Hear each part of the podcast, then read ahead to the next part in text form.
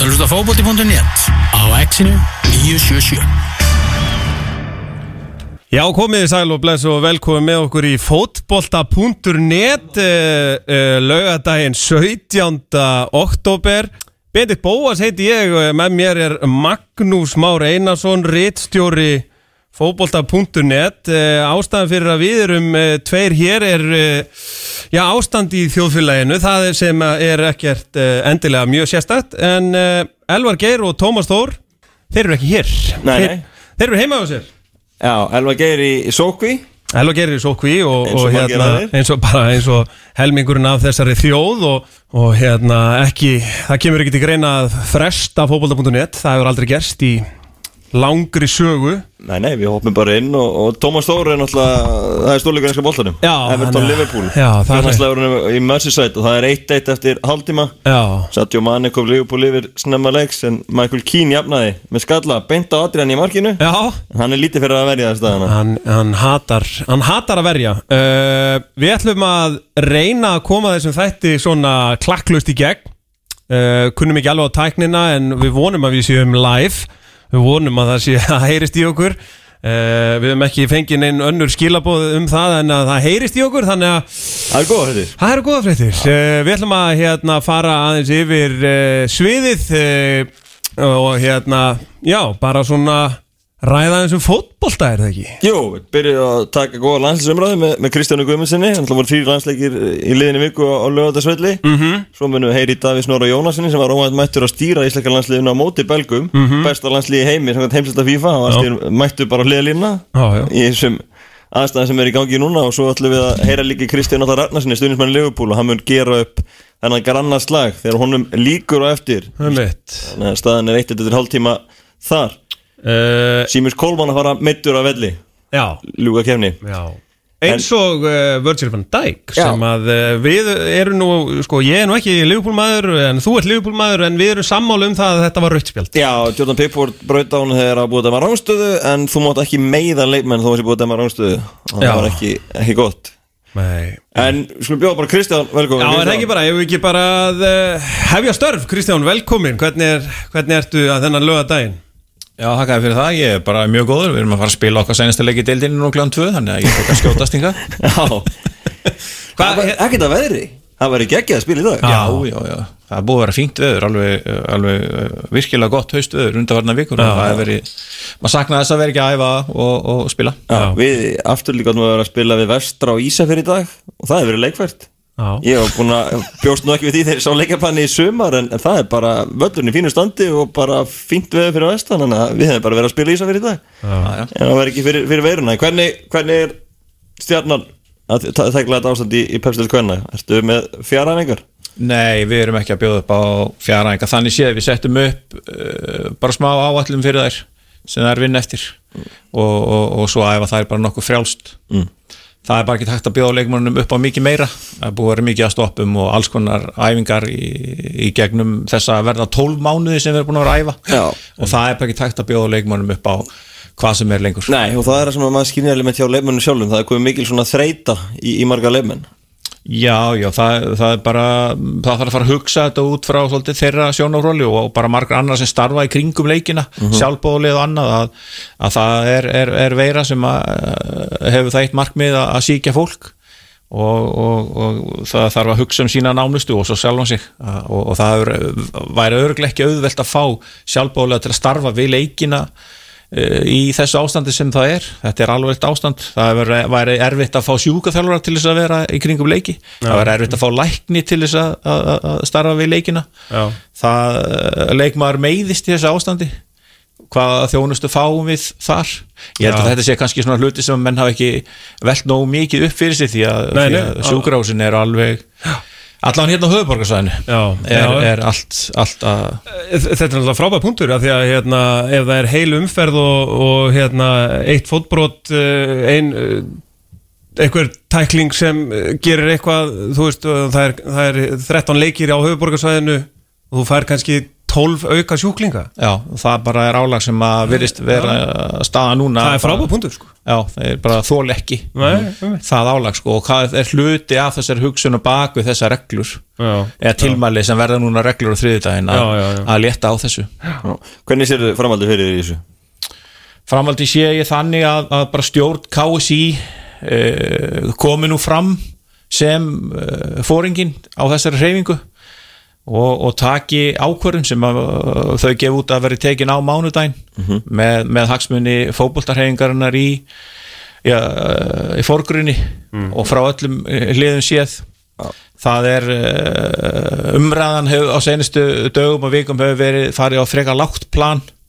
Það er verið að, að, að uppnefna fólk í öðrum félögum. Það er verið að s- já, segja að, að það sé óheðalegt í sinni nálgun og sinni umfjöllun og annað og, og það er svona ákveðin sundrung ákveðin sundrung að fara að gæta í, já, já. í, í knastmyndarhefingunni og stjórnkási þar núna að- að að- að sína það að það eru þau sem stjórna Mm. og koma fram og, og, og, og taka á þessum málum og, og, og róa og samina hreyfingun á ný því að þetta gengur ekki Nei. Og það er ekki hægt að býða lengur Það verður að fara að koma ákvörðun Já, það er, Já. kemur ákvörðun á mánudaginn eða ekki Jú, jú, það er náttúrulega var verið að býða eftir þessum uh, tilmælum sem verða núna reglur. Mhm. af því að, að, að, að fótboltinn hefur svona verið freki frendin í partíinu undarvarna mánuði og, og beðum allskins undanþáur eða, eða, fara einhvern veginn fram hjá tilmælum sem er að, gilda yfir alla. Mhm. og, og hafa fengið það en, en emdir knaspundurreiningarna hafa ekki verið nógu góðar. Nei, nei. Þannig að, við þurfum bara að fara aðeins að styrkja okkar ímynda á ný. Já, og, og, og taka þátt í því að, að verja líf fólks í landinu. Já. Er hérna svona að því að ég, nú stend ég eh, aðeins öðrum spor, eh, í öðrum sporum en þið þar sem þið eru náttúrulega báðið þjálfarar og, og standið þar eh, en, en ég skinja þessa sundrunga aðeins svona bara með því að lesa fréttir og uh, annað. Er hérna uh, þarf sterkari rödd? Þarf fótboltinn einhvern veginn svona, ég veit ekki alveg hvernig maður getur gert það í þessu ástandi, það er náttúrulega kannski ekkit rétt í þessu. Og Já. allir, allir vitrir eftir á. Já, það er bara, hugsun hefur svo verið svo sjálflæg. Já. hún hefur verið svo út frá, út frá bara fótboltanum og við sjáum ekki út fyrir þessa búblu sem fótboltin er. Við erum að sjálfsögða að taka ákvarðan út frá ákvarðanum fjárhagslegum uh, afleggingum af þessu, við þurfum að virða auglýsingasamninga við deildina og, og hérna, styrtasamninga við fyrirtæki og, og, og annað og standa við greiðslu til leikmann eða þjálfari eða allra starfsmanna bara í já. það er ekki það. En, en það er bara eins og með brauðsniðina þú þarfst að aðtóa líka hvað er hinum einn og mér hefur þótt það vanta Já, já, já. að íþróttir yfir höfuð fótbolti núna því hann er í forgrunni og að vera að spila hann á Íslandi mér vanta, mér þótt vanta svo sín að við bara tökum einfallega þátt í því sem að fólk er, er, er, að, er að beðum að gera af almannavörnum, það heitir almannavörnir að það er ástæð fyrir því að það heitir það. Uh og, og, og, og ef að fólk upplifir áfram að einhverjir aðrir eins og fótboltin sé að fá, e, fá að víkja frá tilmælum eða reglum þá fjarlæðist þetta fólk já. og fótboltin getur ekkert staðið þeim miskilningi að, að vera alltaf freki frendin ef þeim heldur áfram að hafa þessu svona. Ég, ég, ég sko til dæmis eins og að, að því að ég hef nú verið að hérna, ég skoða, eh, feng, fekk náttúrulega þessa mynd af, af uh, Þorgrími verið að faðma þarna uh, landslýsfyrirliðan og þá sér maður sko í ummælum og annað að fólk er mjög reitt af því að það getur ekki jafnvel hvart ástvinni farið í jarðafari eða glaðst með þeim í brúðkaupi og fleira.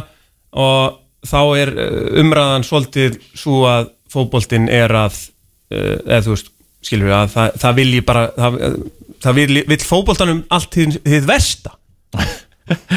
Já, það er nefnilega það. Og stjórn knassbundu sambansins þar núna að sína og sanna það að þau eru í fórustu hlutverki í þessari hreyfingu. Uh, bæta ímyndina sem að þú ert að lýsa að hefur beðið nekki Já. og, og, og, og það er líka gagvart uh, sko, okkur sem köpum áskrift af fótboltanum, við gerum það ekkit endalust ef þetta er hegðunin. Nei, nei. og, Nei, og, og alveg eins með fyrirtækin að styrkja okkur, það er ekki bara það að, að þau, meina, þau, vilju, þau eru alveg jafnvel tilbúin að bara hætta að styrkja knastmyndarhefinguna ef að þetta er það sem að við sínum tilbaka. Mm. Þannig að við þurfum að passa þetta alveg eins og þurfum að vera að halda úti og spila fótboltaleiki að því þurfum að efna einhver samninga. Mhm. ef að fyrirtækin sjá ekki heilbrið starfsumhverfi í kringu fótboltan þá fer það bara líka.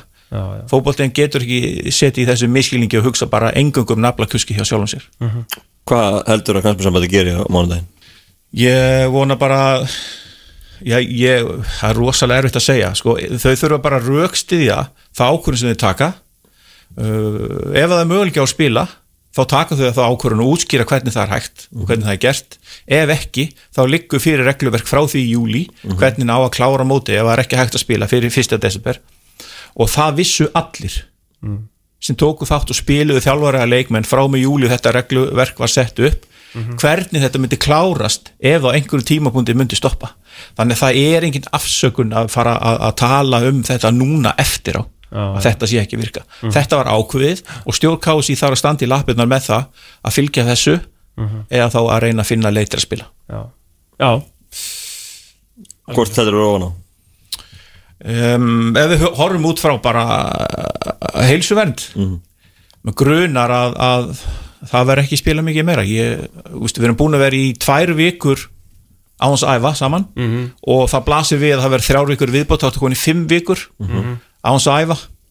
Uh, áðurum við, við lendum í þessari þessum tilmælum og þá voru leikmenn hjá mér til dæmis nú þeg, eða þá þegar farin að byggjum að koma ekki á æfingar.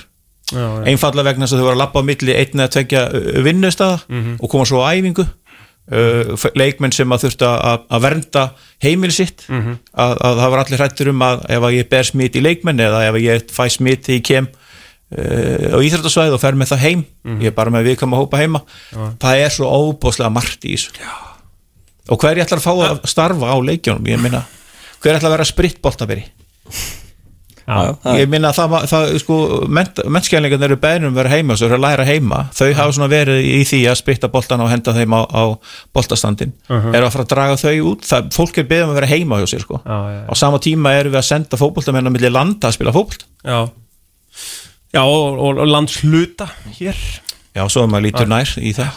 En ef ástandi batnar næstu tveim vikum myndur þú vilja sjá þetta klárast í, í nóvember? Eins og segi, fer bara allt eftir þeim forsendum sem að- liggja fyrir, það verður mjög erfitt.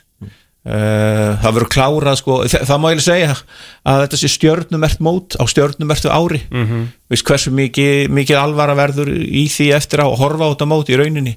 Það er orðið það er bara, er ekki marktækt hvort sem það, það sem er búið að spila hinga til og það sem verður spilað eftir á eða verður gert það, það er svo margt breytt og, og asnalegt og, og hérna það er svo erfitt fyrir mig að segja. Ég, ég, ég stjórnknast með samsins verður núna að sína að þau eru fórustu og eru styrk og samena reynguna og taka ákvörðun og standa með henni. Já, já það er náttúrulega líka Það verður náttúrulega alltaf einhverjir fúlir ef, ef við segjum að hérna, verði þá, eh, þá, þá bara byrði fólk um að líta á stóru myndina. Já, já, starri myndina sem er það að það er heimsfaraldur og því miður þá gruna með að það er ekki margir sem viti hvað faraldur þýðir hvað þá hvað heimsfaraldur þýðir og ættu kannski að kynna sér það hvað það er Já. áður en að fyrir að tala um að það þurfa endilega að vera fótbolt í gangi. Já, já, já, og fólk er eh, náttúrulega það er að deyja sko. það, er, það er það sem er.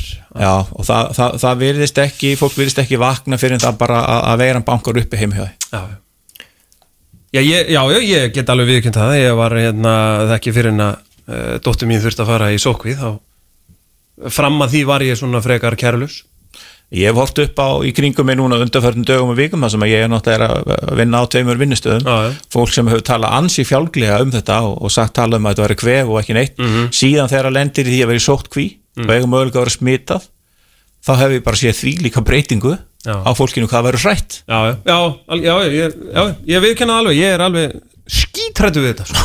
það er bara þannig. Enda við búin að spritta okkur út um allt hérna og spreja alla mikrofónu og ég veit ekkert hvort það Heldur betur, heldur betur. En þetta er svona. Uh, Já, hérna Snúum okkur á landsliðinu.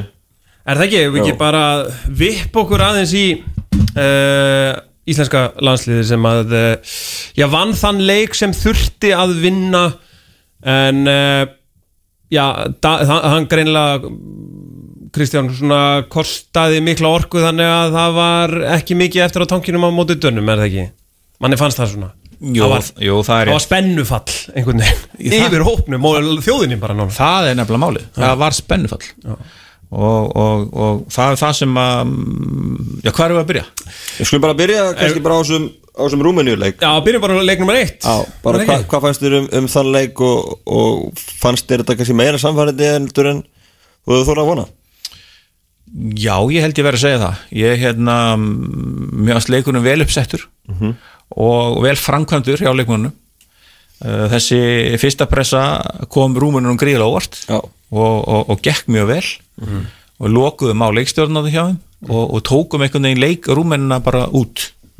Og á samanskapi skorum við snemma og, og vinnum leikin og spilum hann mjög þétt og mjög vel. Já. Og þeir vilst alveg sleiknir kaldi líka. Þeir byggust þetta ekki, við þessari pressu og, og, og bara þeir vilst ekki vita sitt rúgandi ráð. Nei, nei, nei, nei. Þeir, þeir, við slóum öll vopn úr, úr eða íslenska liði sló öll vopn úr þeirra höndum. Já.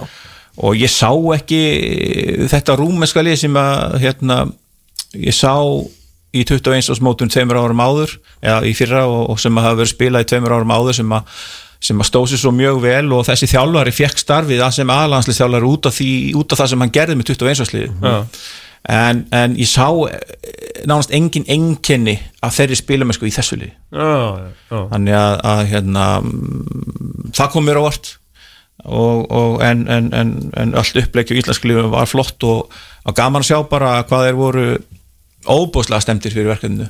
Og sem var vítaspunni dómur Arnur Ingvin alltaf fæði döðafærið en nokkur sekundum áður. Hann hefði vantilega ekki farið í skjáin en hann hefði skorað þar, er 3-0 mögulega. Ef sem var vítaspunni dómur hefði ekki komið hefði ekki bara endað 3, eða 4-0 það er alveg möguleik að það hefði gert það já.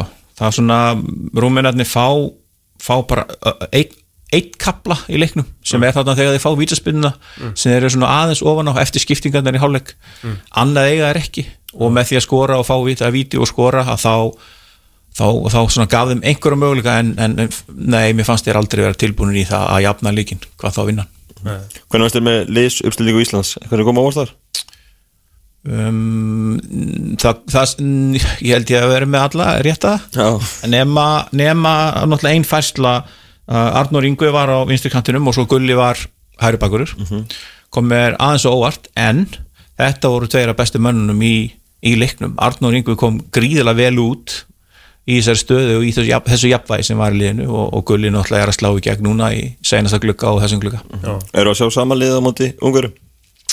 við erum mjög nálátt í, já ef allir eru feskir þá, þá held ég við séum mjög nálátt í að sjá, sjá þetta lið Aðeins sem Arnór Ingva, því að Arnór Ingva hefur náttúrulega fengið kannski svona gaggrinni fyrir uh, sín störf innan landslýsins uh, hvað var það sem að hann uh, var hann bara að halda stöðinu og hjálpa eða hvernig, hvað var hann að gera? það, það var sóknarlega þá hérna, náði hann að bera upp boltan hann var ógnandi og koma sér í hálfæri. Það var hann sem að svona ógnaði hvað best í leiknum fyrir utan náttúrulega Gilva og, og hérna, kannski Jóa en, en hann var þetta þetta direkt jafnvægi sem að liði fekk í þessum leik. Já, já og, og, og svo náttúrulega er hann dögulegur að vinna vartanleikin líka og hjálpaði herði sem átti einmitt líka góðan leik. Mjög náttúrulega eftir í eh, að mikið rifið upp í aðdraðan þessu leiks hversu fáabendingar eru á byrjunleginu fyrir EM 2016 liðin sem fyrir áttalega úrslit. uh, þar eru Aron og, og Gilvi saman á miðunni nú er Gilvi komið framar. Finnst þetta að koma betur út svona? Hann náttúrulega er kannski eitthvað helst á fyrir á markið og geta ítt honum framar og, og skila sér vel í þessum leik? Að gera það. Um, það sem við sáum kannski í þessum þremmu leikjum var, hafi spilum það ólíkt alla. Og við getum spilað eins og var gert með, með Gilva á miðinu ásand Aroni. Og haft tvo hreinrætta framherja frammi, svo getum við spilað þetta svona líka og, og, og, og þetta var þannig orðið hjá Lass og Heimi, sérstaklega þegar Heimi að, að, að það var byrjið að spila svolítið með Gilva svolítið svona að droppa niður af center. Já, sérstaklega í stóru leikurum Akkurat, þannig að hérna, ég sé hvort ekki fyrir mér að hann, hann spila miðinni og, og einhver aðri tveir frammi og, og, og svo þarna. Þannig að, að, að ég er bara mjög hrifin að því hvað við flettum vel á milli uppsetning á leikjum og greinlegt að allir þrý leikinu voru, voru tilbúnir á skrifborinu áður en svo fyrst í byrjaði Já, já það er vel gert. Er hérna, uh, sko uh, Já, það er svo sem eru ekki bara búið með Rúmeníu leikin svo, Jú, þessi Dan, svo Danaleikur förum við í Danaleikin og, og, var En það er bara eins og þú segir, það var spennufall. Já, Já, það var of stutt á milli leikjana Uh, það kom mér óvart. Dan og þreytir náttúrulega líka. Já, algjörlega, þeir voru náttúrulega allt annað lið í æfingarleiknum átt á undan. Já. og þeir koma hann inn og, og, og er að sanna sig og spila svolítið uh, annan fótbolta og kannski nær því sem þeir eru að spila í, í félagslegunum sínum í deildin í Danmarku að halda boltanum og, og spila sér gegnum, gegnum hérna línunar en, en þar kom mér óvart að það skildi ekki vera að gera meiri breytingar á liðinu. Já. og það er akkurat orðið sem þú notar á hann, það var spennufall. Og, og menn náðu sér bara ekkit upp eftir Rúmeníuleikin, því sáu í beinni útsendingu hvernig var fagnað eftir þann leik. Og það er svona einhvern veginn hreinsað allt út. Og það gleymist að þeir sem eru á bekknum er að fylgjast með þeir magnast alveg upp í það að taka þátt í þessu. Og þeir áttu að sjálfsög að fá spilana danaleg. Já, já. og, og við sáum það bara líkamlega voru leikmenn sem byrjuðu báða þessa leiki ekki tilbúnir. Og svo sáum að líka í raun og móti Rúmeni það dróð svolítið að liðinu síðasta hálftíman ekki bara að það fengi koma mark en það var líka komið þreita í ákveðna líkil menn Þa, það er bara verulega óeðlilegt ástand í heiminum svo við komum aftur að því. Ég meina við erum að sjá, sjá Liverpool fá sér sjömörk mann setur sitt í fá sér fimmörk er eitthvað eðlilegt við þetta? Nei. Og þá, þá, þá, þá þurfum við aðeins að fara að sætt okkur við það að staðan er ekki eðlileg þóttu við myndum helst vilja að svo að væri og við erum ennþá sko mannskefnan á svo erfitt með breytingar að, að, að við viljum helst að allt sé eins og það var því það var svo gott en það er bara ekki þannig. En þarna hefði ég vilja sjá út af spennufalli skipt meira um leikmenn og, og hérna láta aðra leikmennu koma bekknum sem voru tilbúinir þvílitt í að taka þátt í skemmtuninni sem var að já, við erum komin til Ungarlands að spila úslitaleikin, að þeir hefðu spilað langt flestir yfir getu. Þetta er bara mannlegt eðli. Já, við sáum líka til dæmis Aron Einar fyrirliði, hann er ekki vanur í hann var vanur í að hann var í Cardiff að spila þétt. En hún er í Katar, það er ekki sama álægi og alls ekki sama tempo í leikjum þar. Nei. að fara að spila á 50 dag, sunnudag, hann byrjar aftur sunnudag að, að í tvo leikir röð út af því hvernig staðan hann segir hjá félagslið? Já, spurningin er bara er bara sennilega svo að það að það var verið að hugsa um að dreifa mínútonum mm -hmm. þetta voru þrý leikir á okkur 60 og, og að það var fyrir séð að það voru nokkur leikin sem byrjuði báðu leikina sem áttu aldrei að spila belgjuleikin og það var sennilega verið að setja þá mínútur á sunnudeginu líka til þess að hlýfa þeim sem ætti að fara að spila mjög þetta er getgáttur hjá mér en ja. víst, þetta er svona það sem mér dettir í hug. Já. Algjörlega. En þrátt verið þetta 3-0 tapum mútið dönum en það voru ansi ódýr mörkin sem Íslandska liði fekk á sig, sérstaklega fyrstu tvö. Er Íslandska liði verið gott í að vera fyrstu leikatröðum og svo náttúrulega annar marki kemur upp úr löngu innkasti sem Ísland á. Já, já. Sem var síðan ekkert langt yngast, það var fyrir ykkur rútínu sem var ekki æfgrænilega Já, það, sko, ef við ekki bara se- segja, sko, leikunni heild var bara að vondur og, og það vantar ákveð, ákveðna einbyttingu í allan þennan leik, vondmörk, uh, Danirnir gjörsanlega bara pökka okkur saman, þeir voru með boltan, þjöppa okkur mjög aftalega okkur af allahelming, þegar við unnum boltan, þá áttu við enga möguleika að koma honum fram, náðu ekkert að spila út frá vörn eða einu inn einu, þannig að svona þegar liði lendi í þessu að, að virðast eiga ekki eins á að, að eins og sækja þá er svona mistök þau bara koma. Algjörlega. Leikur á móti Belgum, við erum að tala um að fjöldi líkimann að farin heim. Þegar að koma honum þjálfarliðið og starfsliðið í Sókvi lið nummer eitt á heimsistunum að mæta á lögatarsvöll þú er ekkert rosalega bett sem verið þann leikað eitthvað fyrirfram áður en að rúmina leikurinn byrjar þá er ég það ekki nei. Nei. og, og, og hérna mm, svo kemur þetta gat og maður sér hvernig belgarnir er að spila sinnleik í, í þjóðadeildinu mot Englandi og maður sér að það vantar nokkra líkilmenn og, og De Bruyne fer út af ég læti taka sig út eftir 70 mínu þá áttum að sé að hann var ekki að koma. Já. þannig að hugsunum með breytist aðeins. Þeir voru ekki að mæta einn sterkir og þeir gætu en, en voru enga síðar að koma með gott lið. Og hérna þeir gerðu bara sem þurftu innan vikudaginn Já. Annar leikir á íslika liðinu kom það þér á óvart Uh, ekkert endilega óvart, íslenska liði hefur verið að gera þetta í leikjum undanfarið. Var tala ekki Martínis um að þeir eru spila svona mótið eins einast, það senstu tveimur. Þannig að, að ég bara fagnaði því þegar ég sá það að þeir voru að raða íslenska liðinu upp á mótið því belgiska og þarna svona sáum við að menn voru búinir að vinna svo út af spennifallinu og þarna sáum við líka þeir sem höfðu spilað minna þeir voru all in. Já, já, já. Og, og veist eins og Birkir eh, að koma inn búin að horfa hinn að tó og vera í kringum hópin að springa úr testosteróni að fara að spila. Og þú sást það líka. Svo mikil orka sem að þú færð með því að fylgjast með félagunum af bekknum og þú, því langa svo rosalega að vera með að þarna fór bara allt af stað.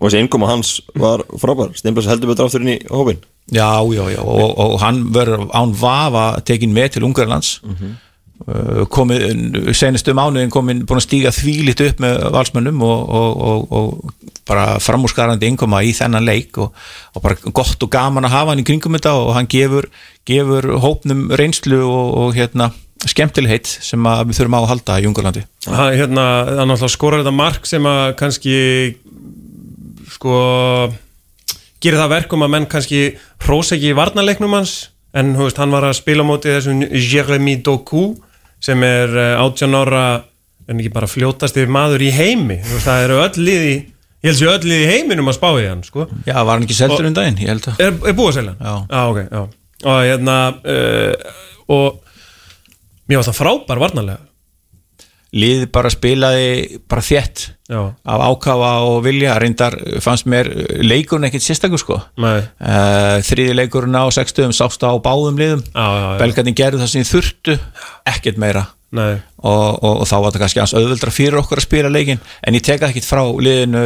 Það var náttúrulega líka bregðast við ástandur sem var í nánastu umhverju liðsins. Já, jú, jú, já, að, að, að þeir voru bara staðrónir í það að svona vittlisa fær ekki inn á völlin og við erum búin að sjá bara viljan og karakterin í þessum leikmannahóp í leiknum át rúmunum og svo í viðbröðum þeirra í þessum bel, belgaleik þannig að, að, að ég er bjart sítt fyrir leikin í Ungurlandi Já. þótt ég reyndi að telja í Ungurlanda sigurstanglir Getur eitthvað sett í þessi spór að þjálfara teimi allt starfsliði dett út svo alveg fyrir leik hvernig hefur verið að takast á við þetta?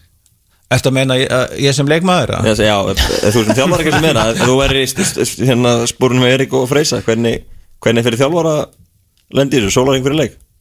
Já, ég mm, ég tel nú að að uh, sem þjálfari þá hefði verið búin að undirbúa liðið og hópið nokkuð fyrir alltaf þeirra öll þrjú verkefnin Náðu Og- lokaði einhvern fyrir leik og Akkurat, það er svona mest, langmestur undirbúningu var sennilega komin Já.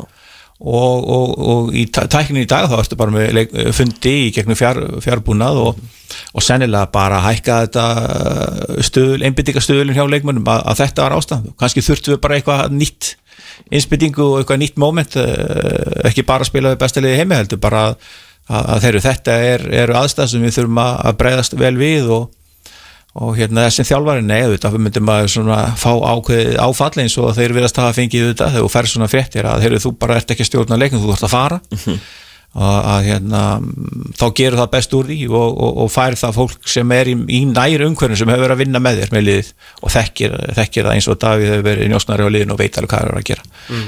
þú sæ- þú sækir, sækir þetta fólk þú ræðir við einslega við eh, lykilmenn í liðinu eða jafnvel alla og skýrir og skerpir þeirra hlutverk og, og peppar það upp og fær, fær svona tilbaka uh, uh, endurgjöf frá leikmann og þú sér alveg hvar hugafærið hans er. Og, og, og ég og hérna nýjar vítir með, með Rúnar Alice í markinu og svona.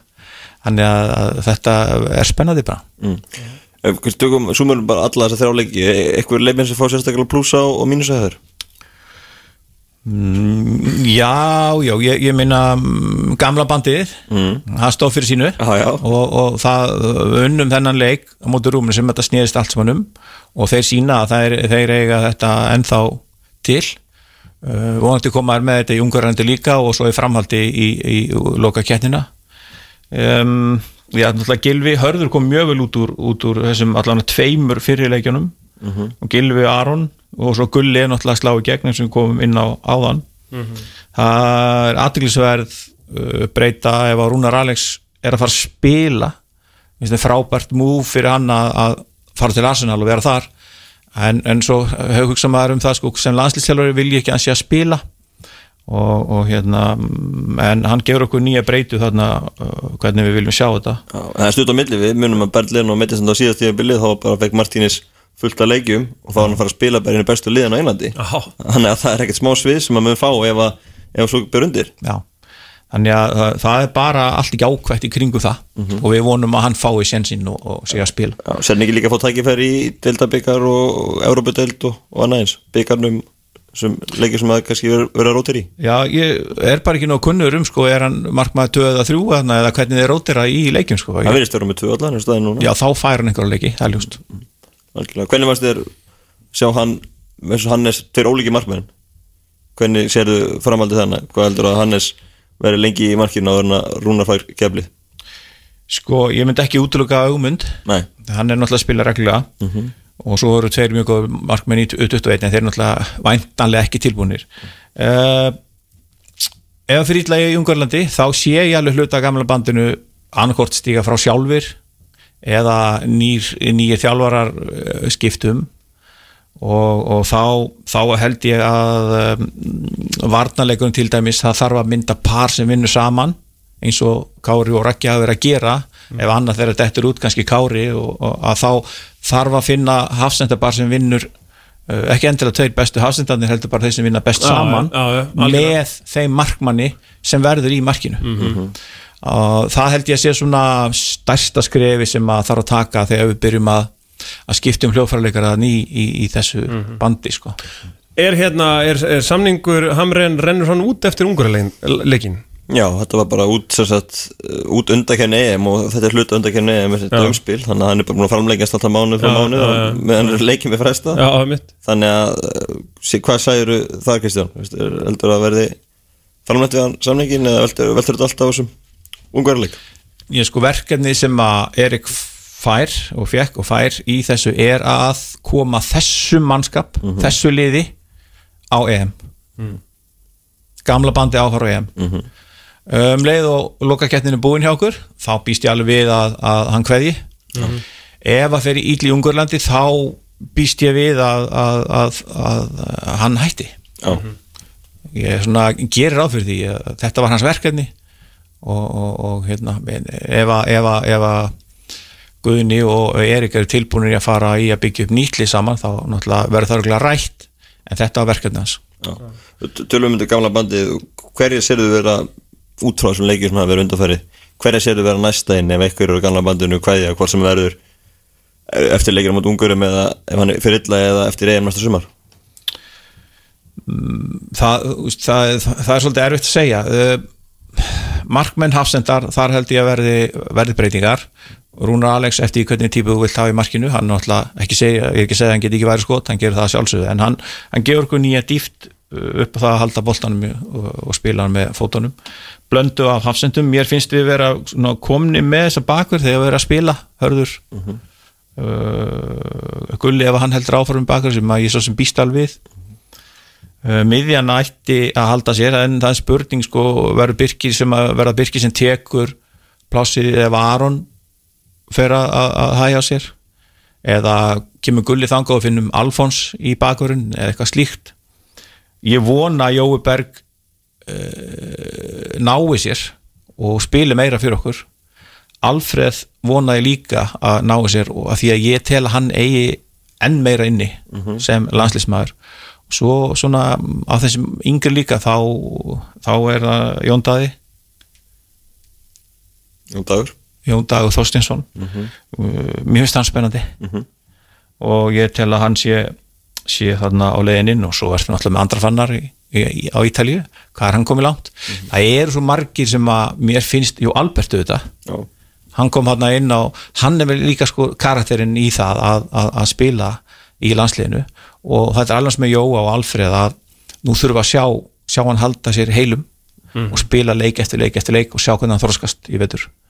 Albert er náttúrulega bara búin að spila einhverja 40 meistarlósleiki já. Ha, 15 landsleiki. Já, það er hérna það er allt, hann er sko hann er að vera 24 sko. Já, það er allt og lítið. Þú veist, hann þarf að, einhvern veginn þarf hann að spila eða þú veist, fá mínútur undir belti sko.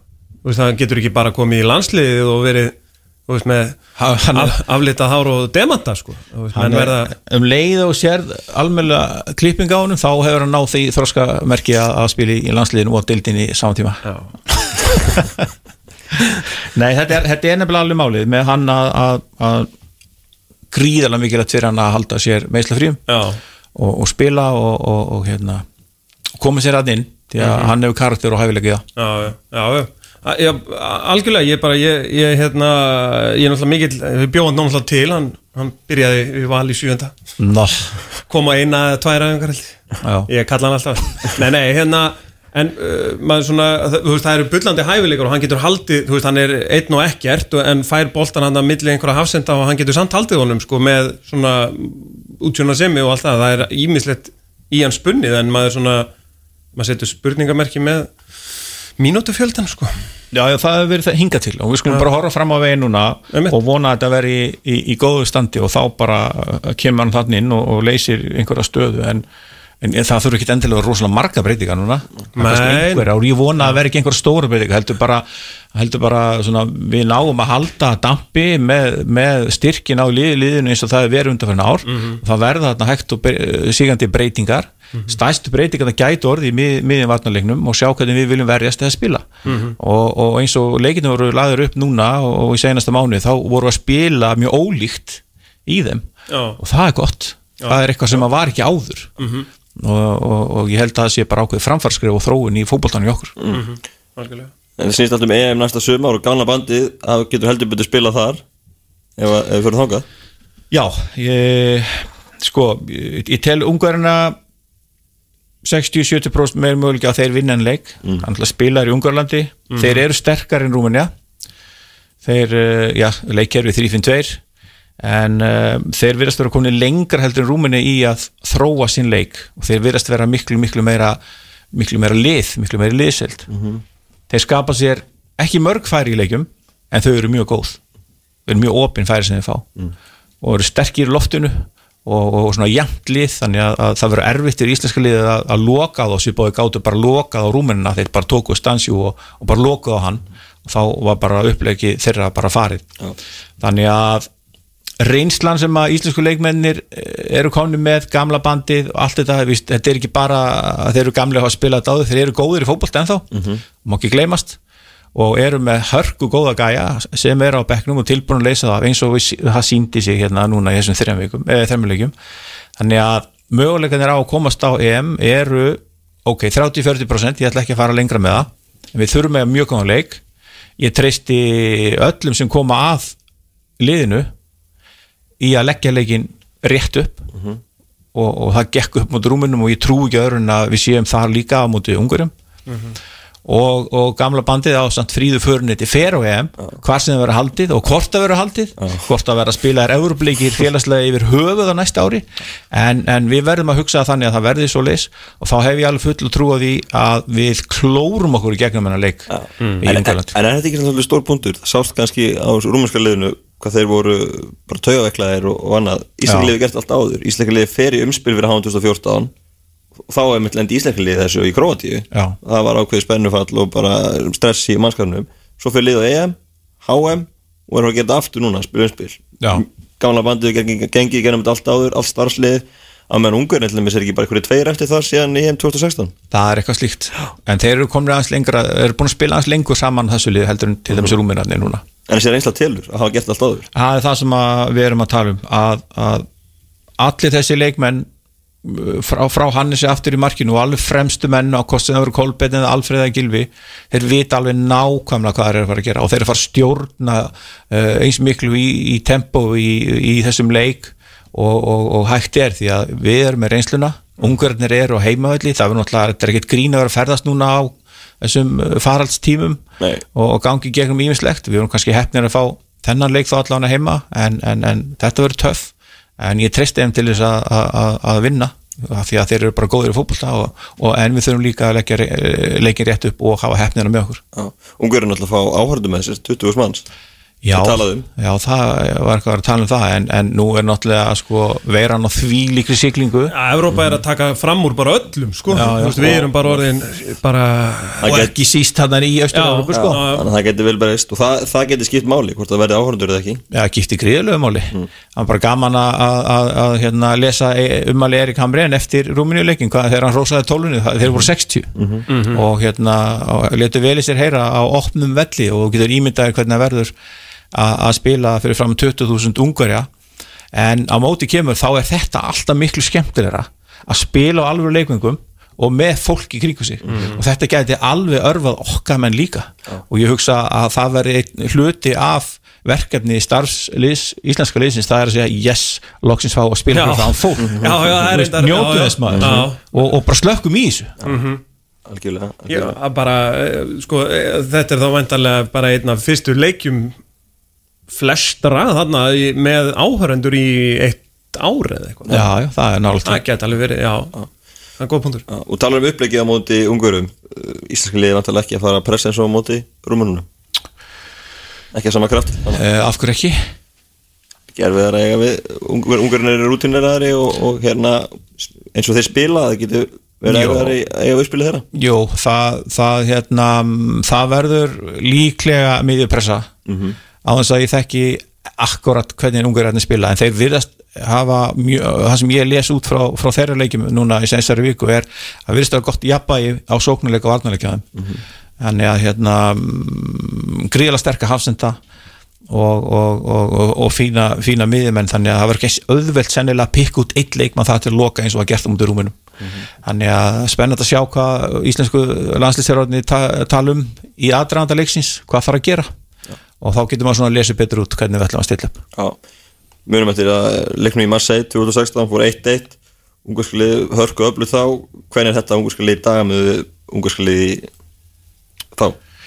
Það það eru, já, tölur mannabreytingar en, en eins og ég kannski hef búin að segja áður núna þeir eru komin lengri rúmur en þeir eru komin lengri að búi til lið og það er orðið meira slípara. Og, og eru með ítalskan þjálfara sem að mm, virðist vera að náðu vel til þeirra og, og, og ná að skapa þessa liðseild og ákveðin, jákvæði, jákvæðinni það er líka það sem að hjálpa þeim að þeir eru komið úr sérdeild í þjóðadeildinni og, og það virðist eins og, og nálgunin á, á sem deildum uh, aðdeildinni sé svona hálf, maður setur spurningamarki við nálgun liðana í aðdeildinni en þetta er að gera heil mikið fyrir hérna þjóðutan sem er að spila í C og D -hmm.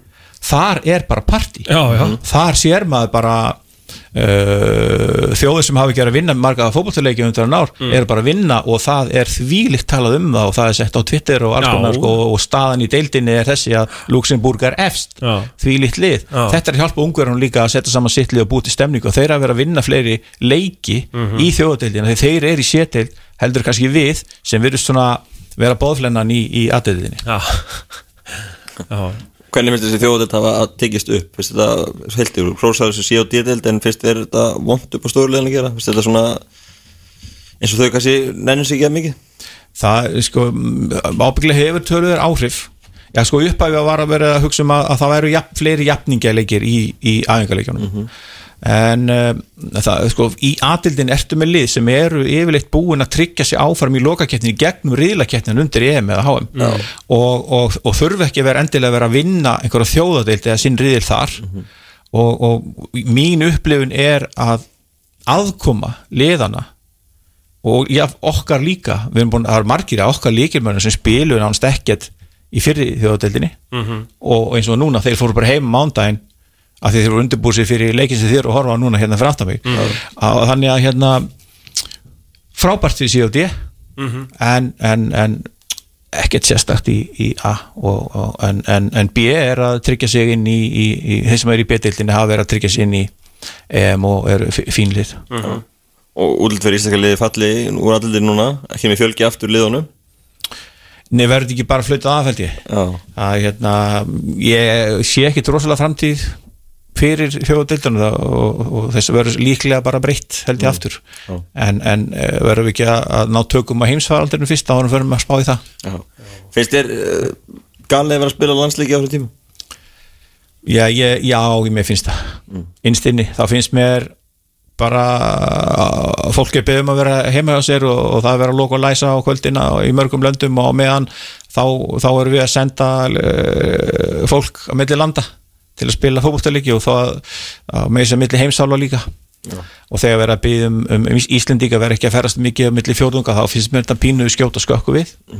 Þetta er uh, eitthvað sem að fótboltin hefur fengið leiði til að gera og gegn því að, að sjá ákveðin, ákveðin reglur og, og ákveðin svona tilmæli sem að fyllt er eftir en við erum búin að sjá allt og mörg dæmi um það að við erum ekki eins og að fylgja því sko. Nei. þannig við völdum þess ekki þannig að veist, eins og í senstu glugga þá var semst, í september þá var engöngu spilað í Európu það var engin önnu heimsálu sem spilaði landslíki Já. það var ekki fyrir núna í þessum glugga sem það var gert Já. og þá sáum við leikmann Leopold fara til Afríku og spila Já. með smitt og smittaði nokkra aðra í liðinu þannig að Nei, mér finnst glóran ekki tróðslega en, en þetta er það sem ég er tala um Fótboltinn hugsa svo mikið út frá sjálfum sér að, að það gleyma að taka þátt í það sem að, sem að almenningur er að gera. Og þjálfur félagslega mantala hugsa þessum landslíki líka þegjandi þörfuna við sjáum bara Kristján Ronaldo smittast á Juventus, fleiri leimi sem er að smittast út í heimi og sjáum smitt í ut og eins og landslík Íslands Eilas Ólafsson smittast og, og það þýðir að víðast hvar eru margir leimi komin í sókvi sem voru meðanum í já. og missa leikum í félagslega um helgina. Þannig að þetta hefur uh, mikil áhrif á félagslega líka Þetta hefur gríðilega áhrif og, og þetta er einmitt enn eitt punkturinn upp á það ef að för við í gang hér uh, fjöldin allur af fólki í sótkví og, og, og einhver smitt einhver staðar.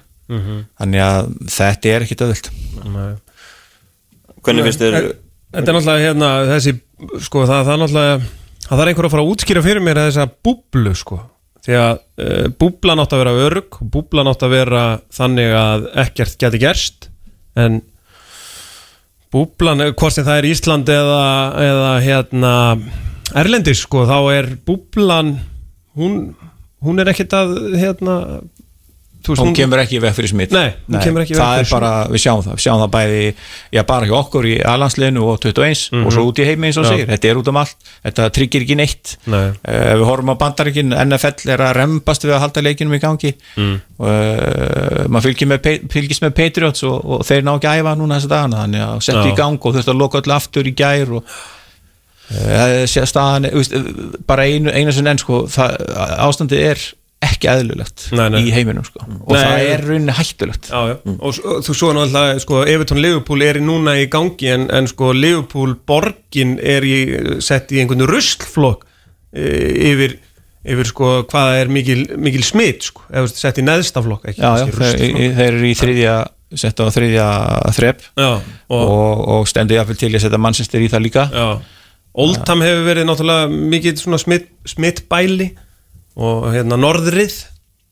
Já, þeir, þeir kvart undan því stjórnmálamennir í norðvestur hluta Englands að það sé bara ekki verið að, að, koma eins fram við það fólk eins og í, í suðurinu sko. Já, og, og þetta, er, þetta er komið þangað að, að, að þarna eru mennfarnir að takast á innan eigin raða, þetta er eins og með liðin hérna á Íslandi, við erum farinir að benda hvert á annað og, og kalla hvert annað einhverjum nöfnum og, og, og slíkt sem að þetta er náttúrulega alveg ömurlegt ástand. Og, og í talnum um það sem er að koma, stu, koma upp núna í enska boltarum að, að stóruliðin vildu fara að gera einhverjar breytingar sem að e, minnilegin voru ekki tilbúin í og nú er allt farið að allir farið að rífast þar á nýtt. Þannig að þetta hefur ímsar afleggingar þetta ástand hvenær sér fótboltan vera eðlilegan aftur með áhörundur og allan pakkan hvenær, ertu, hvað, ertu- hvenær bjart sínustu vonir?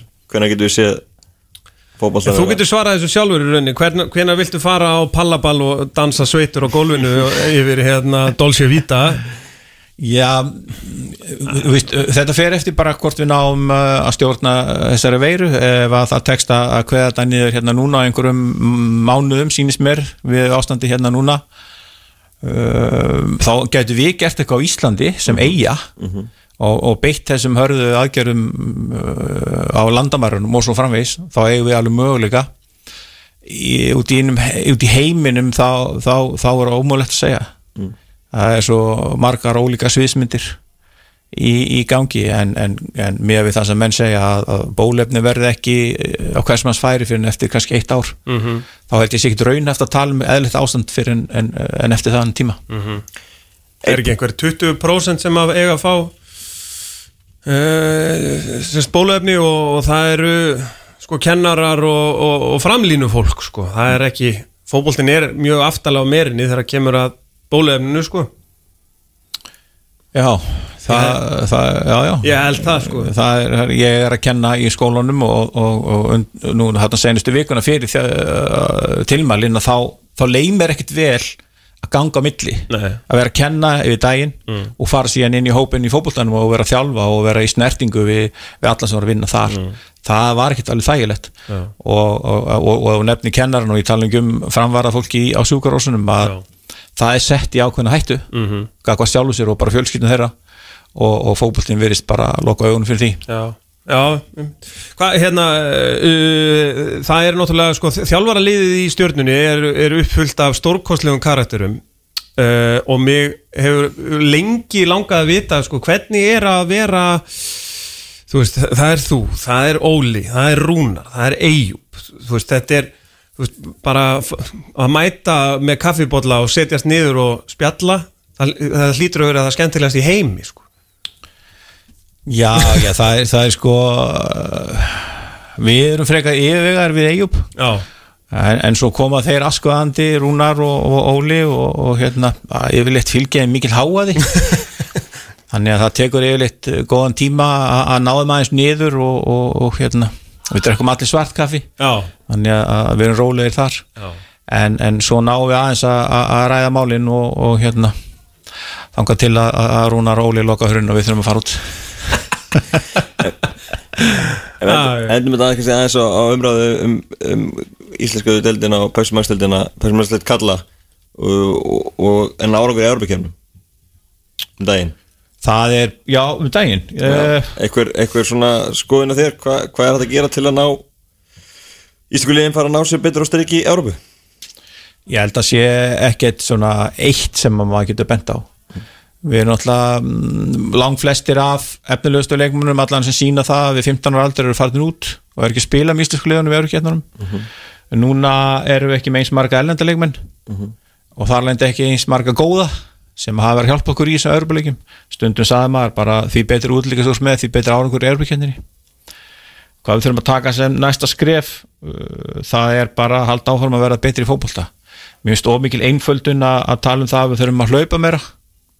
Ómikil einföldun. Við hérna eigum alveg að geta það en ekki bera okkur sama við leikmenn sem hafa haft það atvinnu í einhver átt ára að, að hlaupa meira og spila meira fótbolta erlendis og koma svo hann hingað og vera betri að hlaupa heldur en þeir sem eru hér heima. Sköpum bara betri aðstöðu fyrir okkur sem erum hér og verum bara betri í fótbolta. Við erum að tala með eins og Albert Guðmundsson hann er bara góður í fótbolta og þess vegna er hann að gera hluti fyrir okkur inn á vellinum. Já. þannig að ég engin ein ástæða, ég meina breyðablík fer í leikin sinn í Rosenborg með sitt upplegg eins og þeir gera í öllum leikjum hér heima og þau gerðu það, fengur mikla gaggrinni fyrir þetta. En það er nú bara yfirleitt þannig að, að þeir sem að fylgja sínu allan tíman staðan fyrir að hugsa um einhver ein stök úrslit og láta stjórnast af því og stjórnast af því hvernig maður hafa sér í, í sinni vinnu. Þeir sem að halda sinni línu og gera hlutina eftir sinni samfæringu þeir ná yfirleitt lengra en þeir sem hugsa um bara um ein og ein úrslit. Já, já. þannig að margar hliðar ekkert eitt rétt svar en aðalega bara verðum betri í fótbolta Og við verðum náttúrulega kannski bara betri í fótbolta með því að uh, bæta aðstöðuna Sko hluta því, sko, ég, ég vil benda það hluta því að, að, að til dæmis um, varandi hlaup og hlaupa geta og annað Mm. að við erum yfir veturinn að æfa meira hlutin af yngri leikmannunum Mm. sérstaklega stóru fjölaunum uh, minni aðstæð út á landi og þar kannski er sama vandamáli bara önnur ástæða Mhm. Að það er svo lítið svæði sem að hver flokkur er að æfa á í hversin Mm. að við hlaupum aldrei þessa leng, þessi lengri hlaup lengri spretti sem þú þarft að sína í fótboltreik mm. Þetta vantar bara í aðingarnar og vantar í þjálfunina Mhm. og þá kannski, já hörðu, við þurfum kannski meiri aðstöðu Já, já. fyrir ekki frendi innkomin Jú, jú. eh, eða einfaldlega já við þurfum, í stjörnunni þá er bara það margir krakkar að æfa í hverjum flokki við getum ekki bóðið upp á heilan völl Nei. og það er glatað Já. og það er hluti af því að, að við þurfum að, að við erum ekki að ná ykkur þessum hlaupatölum sem er núna all in eins og staðan er í dag Já. í umræðinni það er svona eitt punktur sem ég langa að benda á Það er rætt um móta fyrirkomulega undan fyrir ár hvort það er að fjölga leikjum og hvernig þá sérðu það fyrir þér? Já, ég sé það alveg fyrir mér að það, það gerist. Og, og, og, og hérna ég held að sé hægt að stakka kvennadildina ég, mig grunar að þessi stærra gráða af kalladeildin sé rétt. En, en já, ég held það. Mm. en, en, en já, fjölga leikjum ég held það sé alveg hægt. Komur, ég glemdi nú að spyrja Jóa Kristins að því okkur var ekki bara sett hybrid á lögðarsöllin staðan fyrir að vera að grafa hann í sundur og setja eitthvað vökunarkjöri hafa bara fyrsta hybridöllin í lögðar og sjá hvernig það myndi ganga. Og ég held að þeir vellir myndu skila okkur lengra tímabili. Já. Svona sambland af gerfigrassi og grassi já, Já. já. og það er þetta sem okkar bestu menn út í heimi er að spila á. Eins og leikurinn hérna fyrir aftamið sem þeir eru að horfa núna hann er á þannig velli. Og það er vel hægt að halda honum í gangi á Íslandi enn þann dag í dag. Já, já. Hvað getur, þú fræðir fólk, hvað, hvað getur svona völlur yfir árið, hvað, hver er nokkurnar gildi, hvernig getur þú byrjað að spila og hvað getur þú spila lengi? þarna kemur örlítið að tóma góðan upp á einhverjar hérna, nákvæma dagsningar en ég get alveg sé það að við getum byrjað að spila í apríl og vera að spila ennþá í dag með hvernig tíðin er núna. Uh, því það er merkilega lítið af plasti í þessum velli og það er merkilegt hvernig, hann- hvernig hann virkar. Já, ok. við þurftum að fá kannski sérfræðing algjörna sérfræðing um þetta til þess að segja nákvæmlega hvað það er en, en uh, grunnar april svo lengi sem að rókið er ekki að trubla okkur. Það er náttúrulega okkar já, já. Þú hefur verið í Pökslut Kvæna, fallbarða þar er rosaleg, mörgli sem geta fallið og í rauninni bara frá þriðja seti niður í næsta seti er bilið stutt, hins vegar breyðablíku valið með gríðarlega yfirbyrði, þú vilt saman meina að það eiga fjölga liðunum? Já, það, ég held að það sé alveg hægt sko. því að ég held að það sínt sér núna að, að, að styrkurinn er aðeins að að breytast, það eru, sterkara lið núna í, í deildinni heldur en voru fyrra. Maður finnur það. Og, og ég held að, að, að, að lið, ég, ég, held að sé bara næsta skref í rauninni til þess að halda áfram uppbyggingu á kvennaboltanum að, að vil bæta við liðum í eftir deild og, og breyta svo fyrstdeildinni og, og sjá hvort að við eigum ekki mannskap í það það er kannski aðalega það sem að hefur verið að stoppa þetta að við höfum ekki verið með nógu marga leikmenn til þess að taka þátt í þessu. En, en, en fjöldin sem er að koma upp hjá stelpunum og kröfuna þeirra sjálfra mjög ungar, er að byrja að krefist þess að fá að spila meistarlagsfókbólta þannig að ég get alveg séð þetta gerast. En þetta milli tvekja efstu og hinna er náttúrulega alveg fáránlegt. Og, og þurfum eitthvað neina að tækla það en ég er ekki með akkurat núna á taktinu hvernig við erum að gera það. Nei, við erum alltaf að tala um að það eru töpu korust leiki fyrra, breyðablíku valur og svo búin að tapa tveimur og einum í ár, þannig að þetta er bara eitthvað sem við hefum ekkit valla séð. Nei, þetta er- nei, kannski ekki, að sé svona, nei, ekki svona svakalegir yfirbyrðir en þetta er svona verið gegnum árin að, að það er verið svona miklu sterkari hvernalið Eftir sá mjög oft, oft eitt lið, ekki tvö. já, en ekki, ekki svona. Þannig að það þarf eitthvað að skoða það Þú segir kallendin að þú sér dánað með fjöldan þar, myndir vilja fjölga leikjum okkur annan nátt, færi í þrefald umferð eða bæta við eitthvað umspili eða eitthvað slíku til að, til að lengi tíma og fá fleiri leiki? ég, sko, þá, þá maður komið svona út fyrir uh, sko, þetta hefðbundna sem að maður hugsa sem fótboltamaður. Fótboltamaður hugsar inn á vellinum eftir, eftir línunum sem að afmarka sæðin og, og við hugsum þannig líka að, að, að það er erfitt að brjóta okkur út úr hefðinni. En, en þrý, þrjár umferðið er eitthvað sem að er alveg möguleiki. Já. Það er ekkit uh, algalið. Þótt að kannski við fyrstu hugsun þá finnst maður það asnalegt finnst maður það asnalegt en, en þetta er kannski ein leiðin til þess að gera það. Eða þá að spila töfald umferð og svo splittar þú deildinu upp. Vist, eitthvað svona, ég er ekki rosalega hrifin að því en einhverja leið þurfum við að finna til þess að spila fleiri leiki. Já, Þú þekkert að færu, þegar völdum við þar, þú starfaði þar. já, já, já. Hvernig var það? sko, maður fóð bara í verkefnið og, og, og tæklaði það þannig og, og það var alveg gaman að því það var svona, uh, já þetta var öðru sig að vera búin að spila við liði en, en svo áttu við þriðarleikin eftir og yes, við áttum þetta lið heima og æja, við þurftum að fara aftur þangað Já, nákvæmlega. þannig að það er svona að gefa nýja vitt og, og, og, og svona, já, var alveg gaman að vissu leiti Færingar eru náttúrulega í rauninni að fara nánast að taka fram úr okkur sko. Þeir vinna bara alla Európuleiki og Já, ég er að segja það, D-dildin er að gefa þeim líf, alveg svakalega Svakaleg stemming, sko. og, og flest, sko, flesti leikmenn í færiska landslinn spil með færisku liðum Mhm. og, og Júfa er að borga uh, félagunum fyrir, fyrir hérna uh, landsleikja menni sem eru með Mhm. og getur ímyndaðir fjárhæðin sem er að koma til færa Já, já ég, og svo var hérna innslag frá bundeslíkunni um hérna Jóhann Símon Edmundsson. Já, já, já. og hérna en mér varst bara, ég, þegar ég fótt til færi fyrir hvað, tveimur árum að, að hérna, þá fannst manni sko að það voru allir vellir opnir, það er boltar allstaðar, allir velkomnir gjörðu svo vel, uh, spilaði fótbolta alveg sama hvar þú varst sko.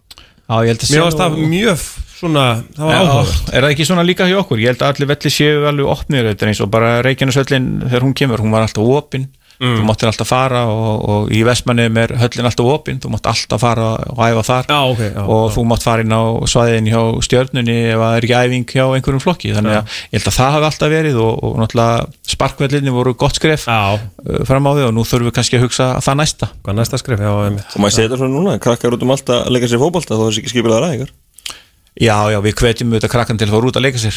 Það er það sem við gerum þótt að við náum ekki að bjóðum upp og við sendum ákveðna heim, heima einhver núna aftur eins og, eins og var í, í, í vetur. En um, fyrst og fremst þá eru svona stuð byggðum bara að fara út og fara í frálsanleik og það skila sér? Já, já, já, já, og alveg nöðsilegt fyrir það að hreyfa sig. COVID-kynnslóðin, hún verður kannski bara okkar okkar besta kynnslóð, sko Það getur verið, Eh, þessi sjálfhverfa kynnslóð sem Já. við erum að berjast við núna og erum að þjálfa, hún er eh, ekki auðveld við Já, þetta er svona, heyrðu eh, ég var að reyna að setja auðlýsing, sko annarkvort þarf það að setja þetta auka klukkutíma eða þetta mun virka. Ég hef ekki hugmyndu það. Kemur í ljós. Og prófar ekki eins og að setja laga en eitt til að testa þetta. Sko en annars bara þökkum við fyrir. Já, Kærlega. takk, takk. Bingo í sal, eh, Bendit Bóas heiti ég, eh, með mér er Magnús Már Einarsson, rittstjóri fótbolta.net eh, Þú ert að hlusta á útvarstáttin fótbolta.net Í annað skipti á rétt rúmum eh, 100 ára sögu þessa útvarstáttar þá er engin Elvar Geir og engin Tómas Þór. Elvar Geir þurfti að fara í sótkví eins og margir hér á landi og Tómas Þór er að lýsa Evertón, eða alltaf sé ekki bara að sjá um ég veit ekki hvort hann sé að lýsa, alltaf sé að lýsa? Já, ég þekki það svo mikið, jú, hvort það sé ekki Ah, að lýsa Það er, er tíðindi að gúti sem Það eru tíðindi. Everton var að jafna 2-2 Dominic Calvert-Lewin getur ekki hægt að skora Skoraði með hörku skalla Í blá hotnið, Mohamed Salah kom Liverpool yfir fyrir einhvern tímyndu síðan En Everton búið jafna aftur 2-2 Já. 81 mínúnda á klukkunni Og við munum krefið hann að leik með Kristján Allar Ragnarssoni með Liverpool hér á rétt á eftir.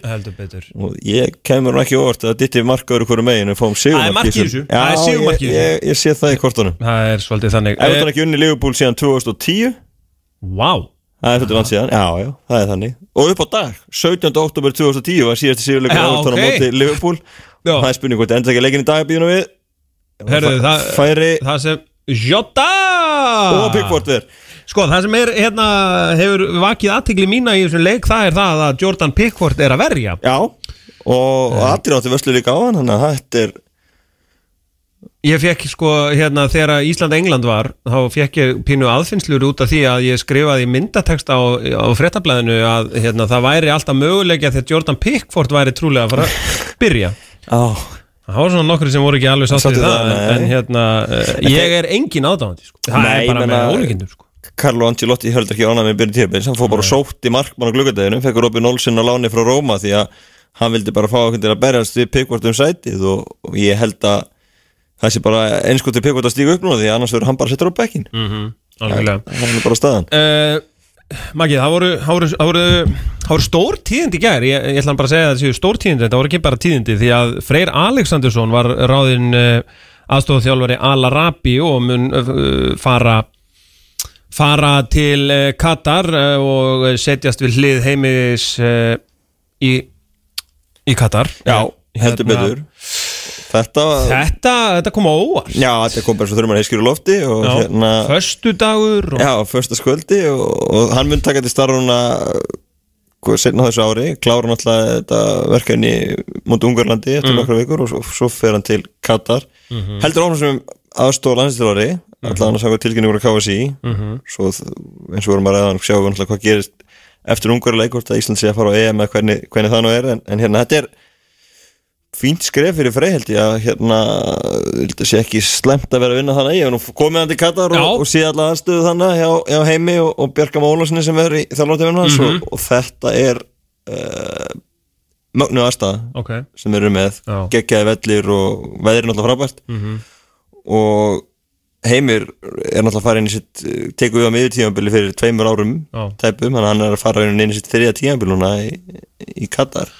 Já, Þannig að það er- það er, það er ekki mjög það eru tíðindi. Já, það, ég ætla að segja sko, uh, sem sagt uh, starfsaldur í Katar er ekki mjög há Nei. í fótboltanum. Nei, alls ekki. Og, og, og þetta sýnir held ég bara ennþá meira hvað hann er örgur í starfi á Larabi, hann sé að ráða frey inn með sér. Já. ég held að maður ekki kalla frey yfir hálfan höttin til að ef, ef að væri eitthvað óvissi í kortunum. Já, væri pressa og, og það. hérna Hann allt er það. hérna- hann er- var fóð með liði byggjárslunum síðdölgi mm -hmm. á móti Al-Sad, Savi og félögum. Safi og fylgum maður. Já, og hérna Hvað heitir hann hérna, litli töramæðurinn Sandi Gasola Sandíka, sorla maður.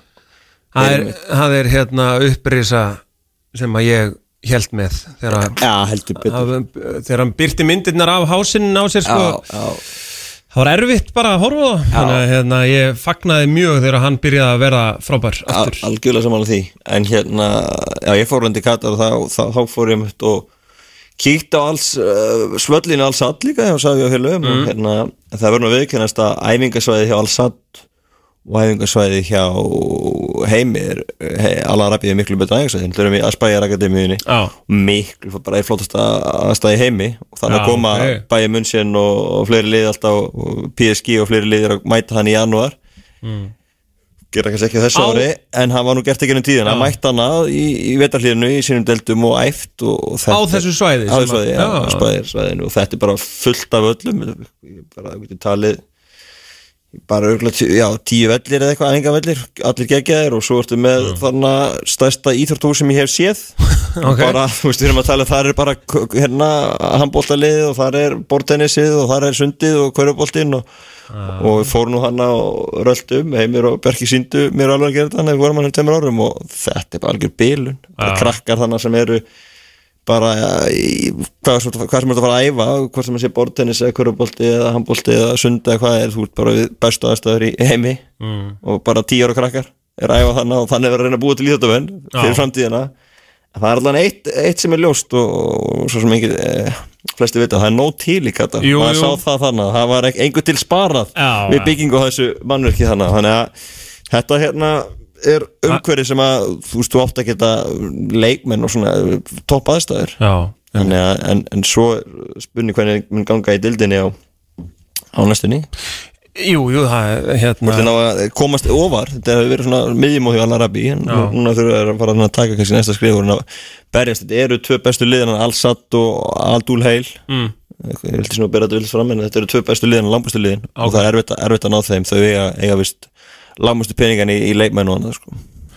Já, eiga langmest í, langmestu peningana í leikmenn Þetta er hérna Nei, er, er þá munur á Þú veist, eru við að tala um bara Þú sér ég menna, er með Savi sem þjálfara og, og hérna Sandi Kásóli í liðinu sinu Já, Þú veist, það er held ég dýrar heldur en að vera með heim og Aron þó heimur og Aron séu frábæri sko. já, já þú skilur hvað ég menna Já, skilur það er, er munur hann á þannig að hérna. Er hérna uh, Þú veist, eins og þegar við fóruð þannig fyrir tveimur ára þá var það náttúrulega kannski ekki mikið Hvað segir maður, það er ekki mikið Raukt Það er ekki komið með mikil reynsla á þetta sem sagt hérna uh, hjá heimi en Nei, hann búin að vera hann í eitt og mánuði þá. Já, ok, já, það var kannski gaman að fara núna og finna svona, hvað segir maður, svona momenti, Já, hvort að það sé með honum og Algjörlega. Að því hann virðist, einmitt eins og þú segir, skilur að hann er að sækja þjálfara hínum með nötti Já, já, algjörlega og þá hérna og stjórnendur og, og aðstæðu þeir já, segja bara, heyrðu, já, ok, við höfum trúaður Já, voru, voru búin að vera með spænskan aðstofhörður hann er gælulega hverja frá störfum og, og næri frey og, Mm. hérna. en frey mun halda áfram með landsliði líka þannig að þetta er einhvern veginn samkomulega á milli félagana og við munum mættalega að grípa frey í vittar hérna þegar að undirskrift og annað er klárt! Það Já, að Richarlison er að fara út af það ekki, Jó. er ekki var og ég held að þurfa ekkit var, sko, þetta var ógæslegt, sko. En þá 22 og 80 og 9. mínúta. Já, eh, hérna Íslamótið, við þurfum að fara að fá ákvörðun. Svo það sé bara hamrað á því. Við tókum hann aðeins á með Kristjáni. Já, En nú þurfum við að fara að fá okkur ákvörðun. Já Þú ert uh, sammála með því það ekki? Að KSI Jó, verður- það- ég er náttúrulega- mánudag, Þriðudag þá verður Já, mánudag bara, þá þarf að liggja fyrir ákvörðun Saman hún verður, hvort það sé að spila eða, eða ekki, þá þarf allan að fá okkur ákvörðun. Mm. Jú, jú, Þessi óvisa er uh, borðin ansi þreytt. Hvernig, uh, hvernig er þú að, að þú ert náttúrulega svona beggja megin borðsins, ég er bara öðru megin. En Mhm. Já, þú já. ert náttúrulega hérna uh, bæði rittstjóri og að þjálfa Uh, hvernig er þú svona bara þú persónlega kannski bara? Byrjum Já, það? bara allir lagi en maður, það er það sem maður vil bara er þessi ákvörðun að hérna hvort það sé leikur eftir tvær eða þrjár vikur þá þegar maður byrja að spila hennu höfbúksvæðinu hvort það er stefna á að reyna það eða hvort að þeir bara að segja það gott og tímabili sem lokið og, og það er það sem maður vil vita. Þannig að maður geti sett upp einhver áallur hvað hva á að gera. Já. hvort leimur sig konur í frí eða hvort er eiga að halda sér í einhverju formi fyrir tvoleiki sem eftir eru. Já, já, já. Það er bara orðið mjög svona þreytt óvissa og sérstaklega úr, getur ekki haldið út í venjulegum æfingum og, og hérna eins og Kristján enda þetta er svipað hjá okkur, menn eru bara að reyfa sér sjálfur og svo, svo nokkuð frjálst og svo bara væri fínt að fara á að vita einmitt hvernig þetta verður þannig að það sé hægt að taka ykkur fótballtæðingar þegar það má og, og svo spila þess að tvoleiki ef það verður eða bara fara að gefa frí ef það verður ekki Já. spila þannig að það er þessi ákvörðu verður að fara að koma KSI getur ekki frestað henni mikið lengur að mínum mæti og, og sama og ég meni ég vil alveg spila það, er- það vandar ekki en, en það er náttúrulega bara er svolítið erfitt að sjá það með þessar reglur sem er í, í bóðu núna að það sé eitthvað að fara að gerast á næstri Ég er nefnilega, hérna ég held að þetta, þessu verður blásið af Já. og það er ekkit bara, eh, bæði eftir ég bara, ég sé ekki hvernig fótboltinn á að fá undan þá frá þessum reglum og með smittin sem eru núna í gangi sko. Nei, nei og það er alveg ljóst að þetta í vikunni í kringum landslíkina hjálpar ekkert. Í, í kringum að fá okkur fleiri undan þáður en hérna, en að samanskapi náttúrulega í öllu löndum með Hörubur að spila fótbolta.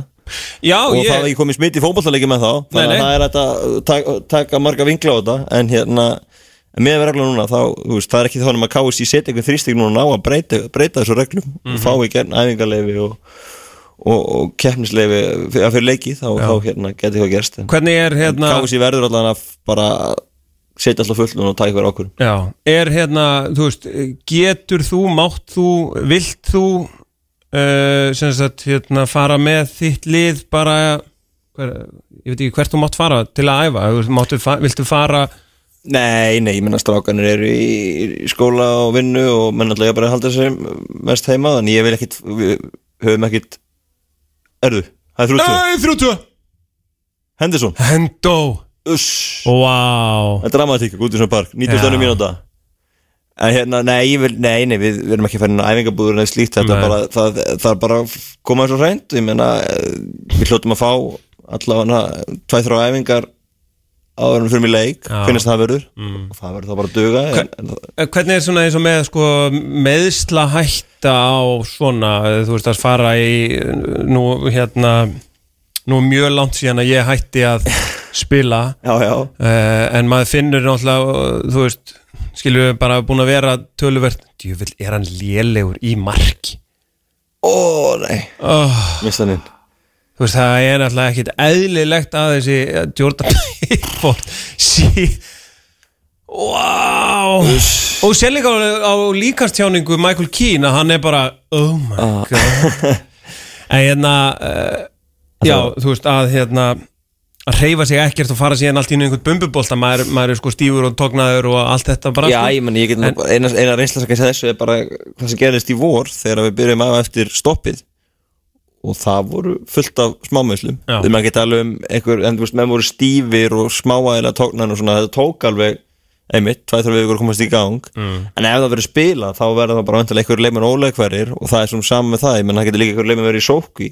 Ef við hefum átt leik fyrir viku aftur líka mútið þrótti, svo það mega þá hefði ég verið í sókví og fjóru leikmenn. Og ekkert að ég tengdist, bara hérna þaðan. Já, þú ok. veist, þannig að þú veist, menn er náttúrulega líka mikið í sókju hana, þannig að jú, jú. þetta er náttúrulega mjög skrítið ástand Já, ég held bara, sko, þegar að öll, öllu er á botnin kvólt og hérna, þá er þetta bara þá verður þetta, hérna blásið af. Já, en bara, bara- nummer 1 og 3 Já, ákvörðun. Já, nú þurfum menn að bara taka Þetta reglunar, eða sem sagt, tilmælin verða að reglum. Rángsta Hann er að flöta af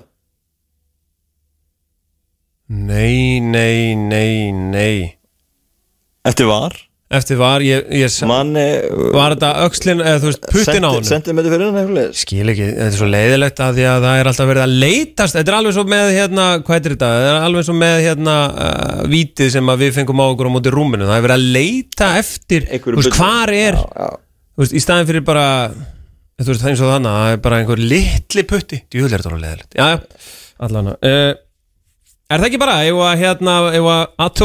alveg ég geti sett á lag. Er það ekki? Og svo heyrum við svo- Kristján Allar Rannarssoni Leifupólmanni, hann hefur nú vantilega skoðan á þessu. Já. Það mennur að tala um það. Þetta, Ef þetta var rángstæða þá voru að tala um millimetra. Það er þannig. Wow. Myndin sem kom upp að náðan virtist nefnilega ekki vera rángstæður og það er Nei. síður á Leifupólmönnum ah, Samfélagsmiðlar loga. Það hefur verið þar. Já. Þú ert að hlusta á fótbolti.net á exinu 977 Já, já, já, já. Herru, hva, hvað gerist núna? Gerir bara svona Kristján Allir Ragnarsson Góðan dag. Góðan dag, góðan dag og gleðilegan eh, daginn Eh, Það síður á Liverpoolmanni sem er með mér í stúdíóinu Það síður vantalega á þér líka Uh, já, uh, hérna, nú þarf maður að gera svona eins og leikmaður sko sem er að, að tapa á loka mínútur, maður þarf að svona dig deep og finna, finna hérna hlutlausa aðlan í sjálfum sér til að segja ekki eitthvað sem maður sér eftir í bytni útsettingu. mm. En hérna, já, ég, strákar, ég nenni ekki að tala um var. Ég er bara- Góður byrju og lifur, Svona, Maggi, við, fyrir við, við verðum samt aðeins sko bara fyrir þessum hlustundir sem að sáu þetta ekki þá sem sagt, skorar Jordan Henderson á 90 annari mínútu Sigumark fyrir Liverpool. Já. Hjeldu allir í heimi. Mm. nema svo kemur var og, og finnur það út að Sadio Mann hafi verið millimetri fyrir innan ef hann var fyrir innan. Að valla þetta að sjá Já, á þessari mynd. Já, ég, ég sá það ekki. Men, menn voru að tala um sko að því að þannig að gerist aðtök í fyrirháleik þar sem að, að Jordan Pickford brýtur á Vikil van Dijk sem Mhm. hefði verið víti og gullt allavega ef ekki víti og rauk mm. og, og en, en hann sleppur með það að því að van Dijk er fyrir innan og þar voru menn að benda og það var breytt reglunum fyrir uh, rangstöð var breytt fyrir þetta tímabil í Já. enska Mm á, á, ýmsa vegu. Eina breytingunum var svo að núna er sér satt tekin og þú veist, ég veit, þú veist, þið skilji ekki þegar maður segir þetta sko, en nú tekin ef ég skilji þetta rétt ekki bara öxlin, heldur öxlin og svona afleiðandi niður handleikin, þannig að það er tekin ekki beinstefna niður á jörðina frá þar sem öxlin endar í einhverju 90 gráðu hopni, heldur tekið ef ég skil það rétt, svona eitthvað, þú veist, hvar er, hvar er höndin? Er hann að halla sér inn fyrir eða stendur hann þráðbeitn upp? Það hefur áhrif á hopni sem þeir draga niður á línuna. Og af því að Van Dijk halla sér öllitið að þá setur þessu öxlin og lína niður á jörðina, setur hann sentimetra fyrir innan Mm. sem þýðir að Pickford sleppur með viti og mögulega raukt. Mhm. Og Mér varst að vera var, þannig að maður var nýbúin að ég var að fylgja það með umræðan á Twitter blaðamennir í ytra, hlutlausir aðlar fór ég að grafa upp þessar nýju reglur til að reyna þetta af hverju hann var rángstæður aðna um, og þannig að svo klukkutíma setna gerist þetta núna með mann og mér skilst að þetta sé þessi sama regla. En þetta er ennþá tæpara hérna hjá manni. Við erum að tala um sko einhverja millimetra hjá manni sem að snýr baki í markið þegar hann fær boltan er þá kannski þarna með einhvern millimetra fyrir innan og, og hann á eftir að snúa sér við, hlaupin á tegin, gefa út í tegin á mannin sem skorar. Þetta er ekki, þú veist, reglurnar ok og tæknin er til staðar og það er verið að taka mönnum markarna og það er verið að taka mönnum víti og rauk. En við höfum verið að sjá þetta í fyrra þá sáum við að menn voru stundum að mæla strángstæðir af því að þeir sneru baki mark og hællin var sentimetra fyrir innan en þú ætti eftir að fá boltan, þú ætti eftir að snúa við og gera allt. Þetta er svona ekki in the spirit of the game. Við finnst þetta að vera alveg saman hvað lið á í hlut, hvað náttúrulega Liverpool verður fyrir þessu núna en, en við reynum að vera samkvæmir sjálfum okkur hvaða lið sem á í hlut. Meira segja maður eins og miðjumæðurinn hjá Monaco, Cesc Fabregas var að hendin á Twitter núna bara hefur hvað er í gangi, games gone mad, segir hann. Já, Þannig að það er alveg hlutlausir aðeins, það er alveg bara sátt um það, svona marka og bara fá að standa.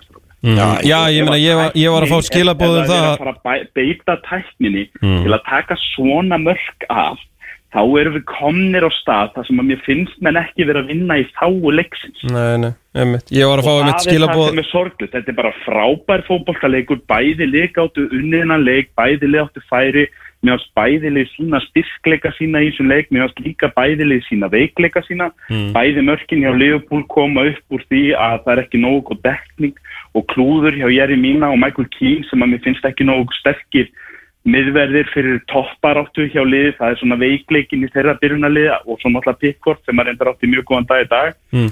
uh, veikleikin hjá Liverpool hins vegar er Adrian og, og svo þetta mark, kannski annar marki Calvert Lúin gerir frábælega en maður spyr sig hvort það var Van Dijk er inn á þarna á fjærstunginu hvort að hann er ekki búin að díla við áður en að Calvert Lúin fær séns á að, að geta bakverðin okkar í, í skallaðum við mm. þannig að þú veist, maður sé svona að þetta var frábær leikur, bæði leið að sína frábæra hliðar og gera mistök líka, þá drama í þessu þá, og hérna já, og að vera svo bara í rauninni sko, jú, við leifbólmennum pyrraði yfir því að vera ræmdi tveimur stífandi lókin og allt það, þó svo að lagana bókstafur segir hart að þetta er ekki mark og það er þar að leiðandi ekki hægt að kvarta. En það, það sem gerist við svona aftíkstrákar er það að það er enginn að fara að ræða hann um fótbollleik Nei, ég veit það, það er náttúrulega það sem er svo leðilegt að því að það er búið að taka mannlegu mistökin burt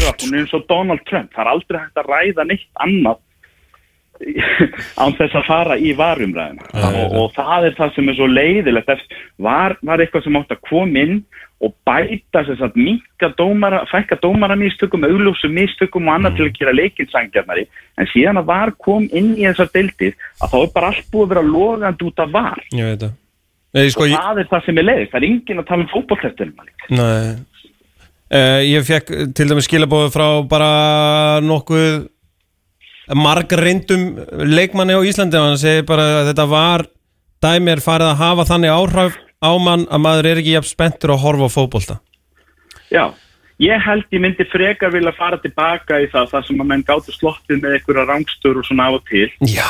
Ég held ég myndi frekar vilja fara í það og það sem að þurfti kannski áfrýja rauðum, spjöldum eftir á sem að voru kannski mögulega ekki rétt og annað. Og það, veist, þetta var eitthvað sem öll líka áttu lendi stundum fær maður víti sem maður á ekki að fá og stundum fær, færður sem þú átt ekki að fá eða eitthvað svolítið, þú ert sár eftir á, lífbúlmennir og sári núna hafi ekki unnið og annað.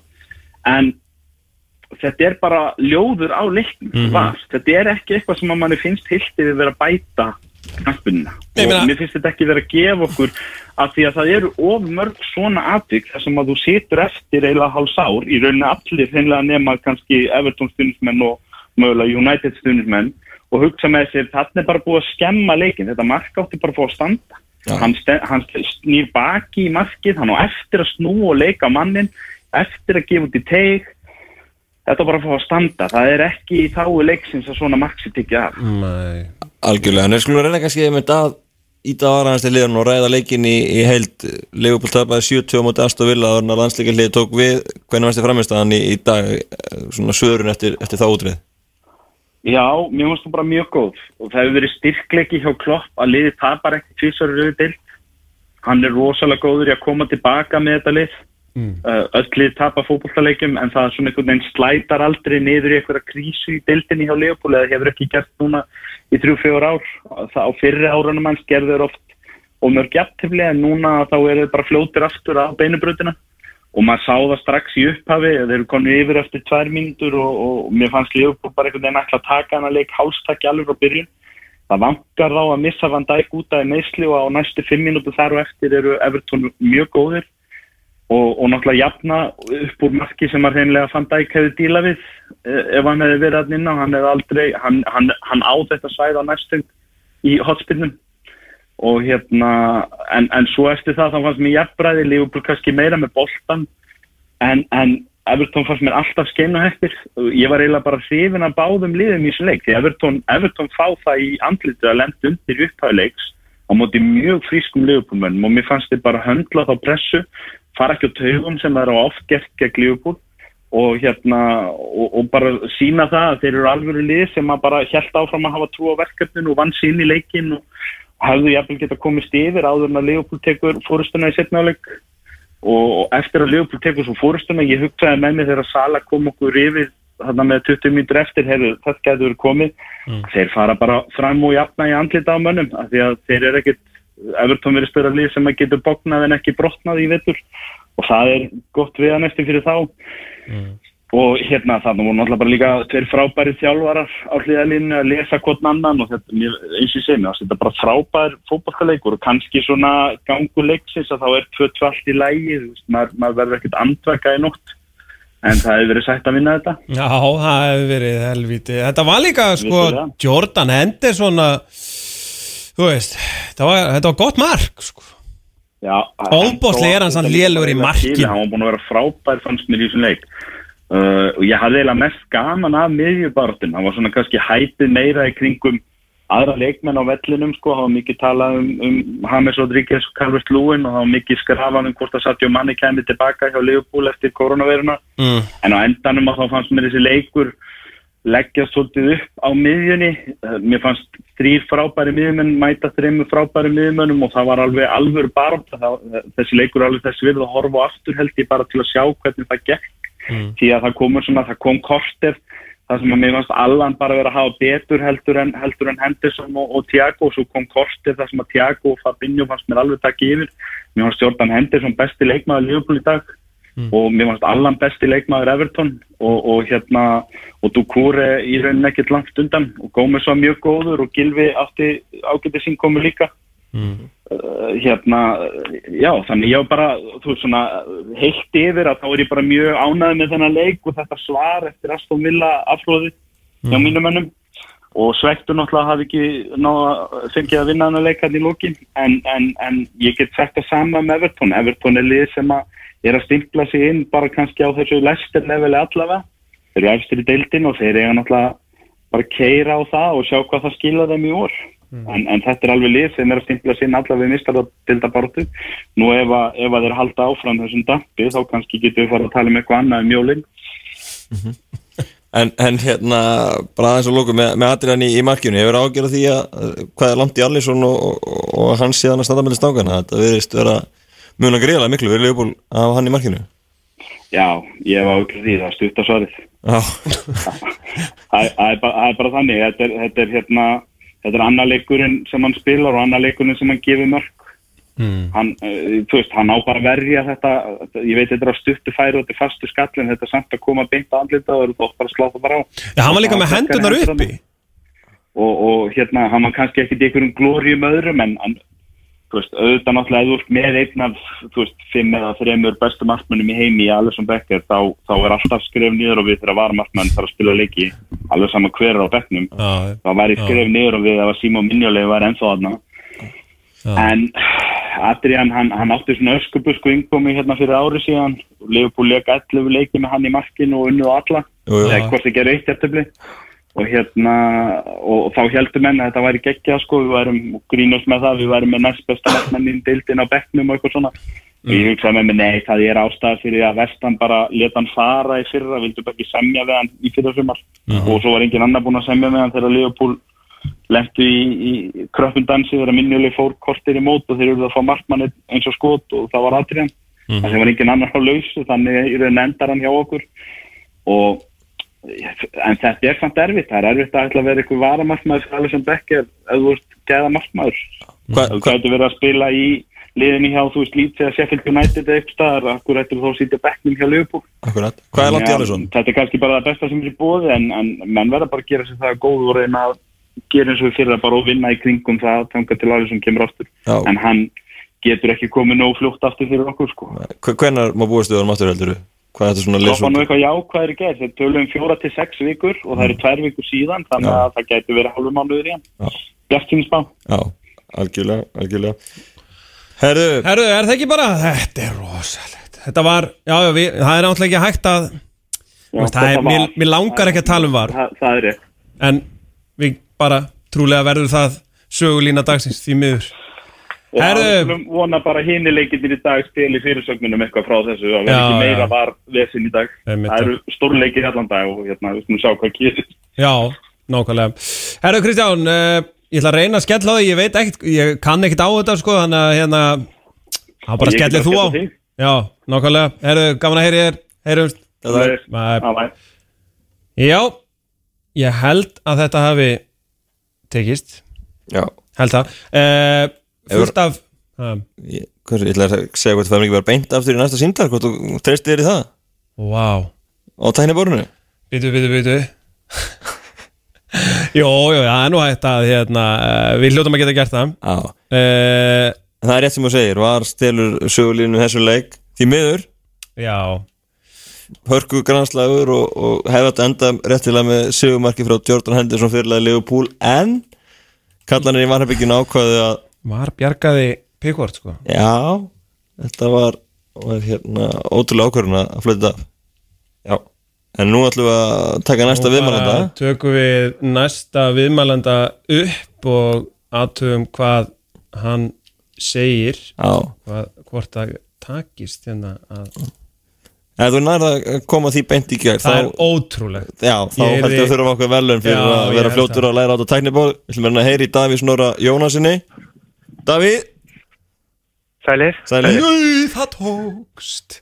Wow, gert þetta er með ólíkind ég er sko, ég fekk fjarkennslu á tækniborðið uh, frá Elvari uh, svona sjö mínútur í útsendingu.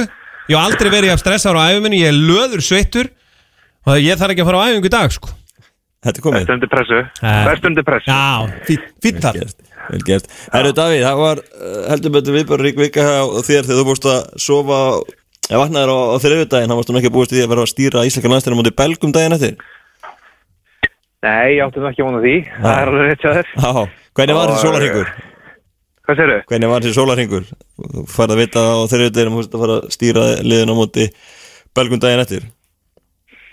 Já, ég raunni Freyr hefur bara sambandið með hérna setni partinn og hvort ég geti ég bara komið upp á hótel, ég var með öll protokollægi, þannig að væri, þetta væri staðan og, og sjálfsög var maður bara tilbúin í að hjálpa til bæðið til íslenska landsliðinu og svo bara vinið sínum að sjálfsög og hérna ég var bara mættur upp á hótel og þá var búið að, að svona leysa flesta hnúta og, og við náðum að halda nokkuð óbreyttu plani með fundar, fundi og síðan náttúrulega leikdagurum var eins hefðbundin og við gátum, gátum gerst sko, þannig að þetta var mjög aðtækisvert og skrítið á sama tíma en ég held að með hans í góri samvinnu og góri liðselt að við ná að svona gera það allra, allra best úr þessu. Já Erik og, og Freyr upp í, í stúk og þið voru hvað í talstöðu sambandi við þá? Já, já, það var hérna, ég var bara með í eiranu og, og, og þeir náttúrulega voru með miklu betra, betri, betra vjú heldur en okkur tíman ég og Arnar sko, þannig að, þannig að þeir gáðu bara skilabóð og, og voru náttúrulega búin að leggja hann að leika upp frá aðtilu og, og, og þannig að það var, það var líka upplöfun að vera með einhvern í eirunum, það stundu verið hinum megin sko, vera uppi og vera í eirunum með freysa niðri sko, en, en það var alveg upplöfun líka og, og hérna, þeir voru, tóku hann ákvarðan hérna uppi og stýrðu þessu, stýrðu þessu vel sko. Já Hvernig var að koma skilabóðunum inn á völlin? Varstu bara að fátt í erað og svo bara beint út og hlaupar þetta öskraða? Hvernig, hvernig gerðu þetta? Nei, þetta nú kannski meira uh, þetta nú kannski meira einmitt þegar þið sá eitthvað punkt þá þarfstu kannski að velja aldrei mómenti það er, það er ekki döðvöld og það hefur nú ekki verið fullu völlur sko þá er nú ekki döðvöld að, að koma skilabóðum inn á völlin og maður þurfti aldrei að velja mómentið og, og við allir tölum okkur saman um punktin og hvernig getur komið honum inn á og, og, og svo líka bara eiga fyrir háluleikin punta þannig að, að þetta, þetta er ekkit í sig að koma koma þessu inn á völlin sko. En, en við náðum að komast vel frá þessu fannst mér. Fyrirleik og, og í hálfleik, voru þeir einhverju sambandi þá í, klefa? Freyr og, og, Erik? Nei, það var, það var rauninni bara þess að segja fyrir leik þá bara, eh, náttúrulega bara í símasambandi og svona aðeins með vanandi byrjunarlið og, og fyrst leikadri og annað og síðan síðan í hálfleik þá bara tölum við saman og fengum punta og svo fórum við bara inn þegar við vorum búinir að því og, og, og hérna komið því til leikmannina sko. Hvernig veist þessi leikur vera?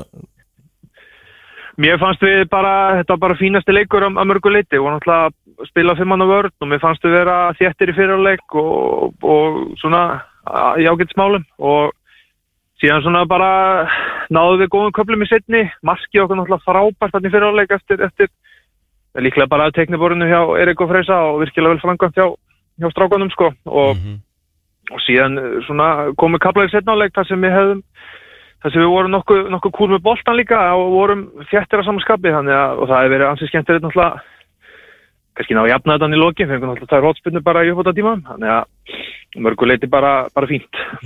Hvernig veist þér leikmenni bregðast við? Þetta er náttúrulega óvæntar aðstæður og, og það er ekki bara þið þjálfarinn sem að þetta út það er bara allt starfslið í held Já, já, það, það náttúrulega ekki gleyma því að það er hvað kemur hérna nokkuð klukkutíma þótt að þessi búið að finna sjúkarþjálfur og annað, það er náttúrulega að býða eftir eftir að þeir fengi út úr testum annað og þeir færu inn, þannig að leikmennir eru bara aðunum með nýsu og algjöru fagmenn og leistu þetta frábælega og, og margir með mikla reynslat inn á sem náttúrulega hjálpa okkur gríðarlega í framkvæmt leiksins og, og fókusum var bara góður, ég upplýði ekki annað en að menn náttúrulega bara ekki að láta ykkur utan komandi aðstæður hafa áhrif á sig, þannig að þeir eiga allt próf skilja leikmenni fyrir framkvæmda þessum leik. Já, og, og skrítið líka vera með bara að púsla saman starfsliði bara hérðan og þaðan. Já, við, við náðum að, hérna, að púsla svona allt samt fólk sem, sem er vant í að vinna einhvers konar vinnu í einhverju landsliði þannig að, þess að segi eru hérna að hafa verið í yngar landsliðum eða hvenna landsliðinu og þannig að svona hafa reynslu að því að vera í landsliðsferðum annað og, og það verður að tellast bara hrigalega vel gert hvernig það fólk kom inn og vann undir, undir pressu sko. Að hérna vinna upp meðferður og annað. Þannig að bara virkilega, virkilega vel gert og bara góð samvinna hjá öllum sem komið að þessu. En þetta sýnir nú hvað, hvað þetta er flókið ferli að vera með landsleikið á þessum, þessum tímum.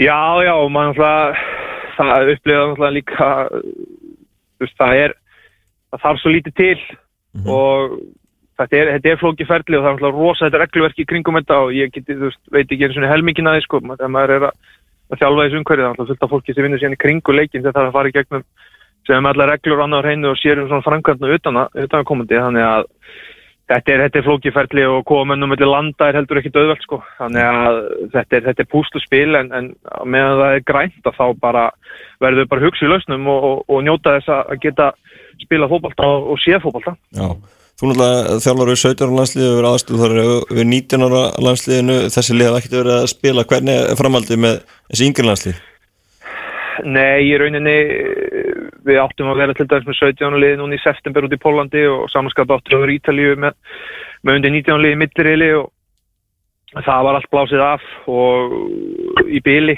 oktober átti síðan gluggi núna að vera mittirili undir 19 en það var líka blásið af og en það er stemt aðeins núna í nógum bara að spila undir 19 á móti. En eins og staðan er stefn nú að fara í, með 19 liði í, í mittiril, við vitum allavega ekki betur. Og aðri landsleikir hafa, verið frestaði við erum svona vona aðalega bara kannski þegar það er búið að leysa ímsan hnúta hérna í þjóðfélaginu og þá getur við kannski fara að æfa með landsliðin og, og, og þessa yngstu og, og svo þegar mótin, eða náttúrulega þegar mótin er búin og ef þau klárast eitthvað tján og, og síðan eh, verður bara að sjá hvað nýtt ár byrja skautið sér. En það er kalenderi hjá Júfa er þannig að það er stemt á að spila þessa leiki sem voru áttu að fara fram núna í haust eh, að þeir eiga að fara fram þurfum að búin að klára það í mars.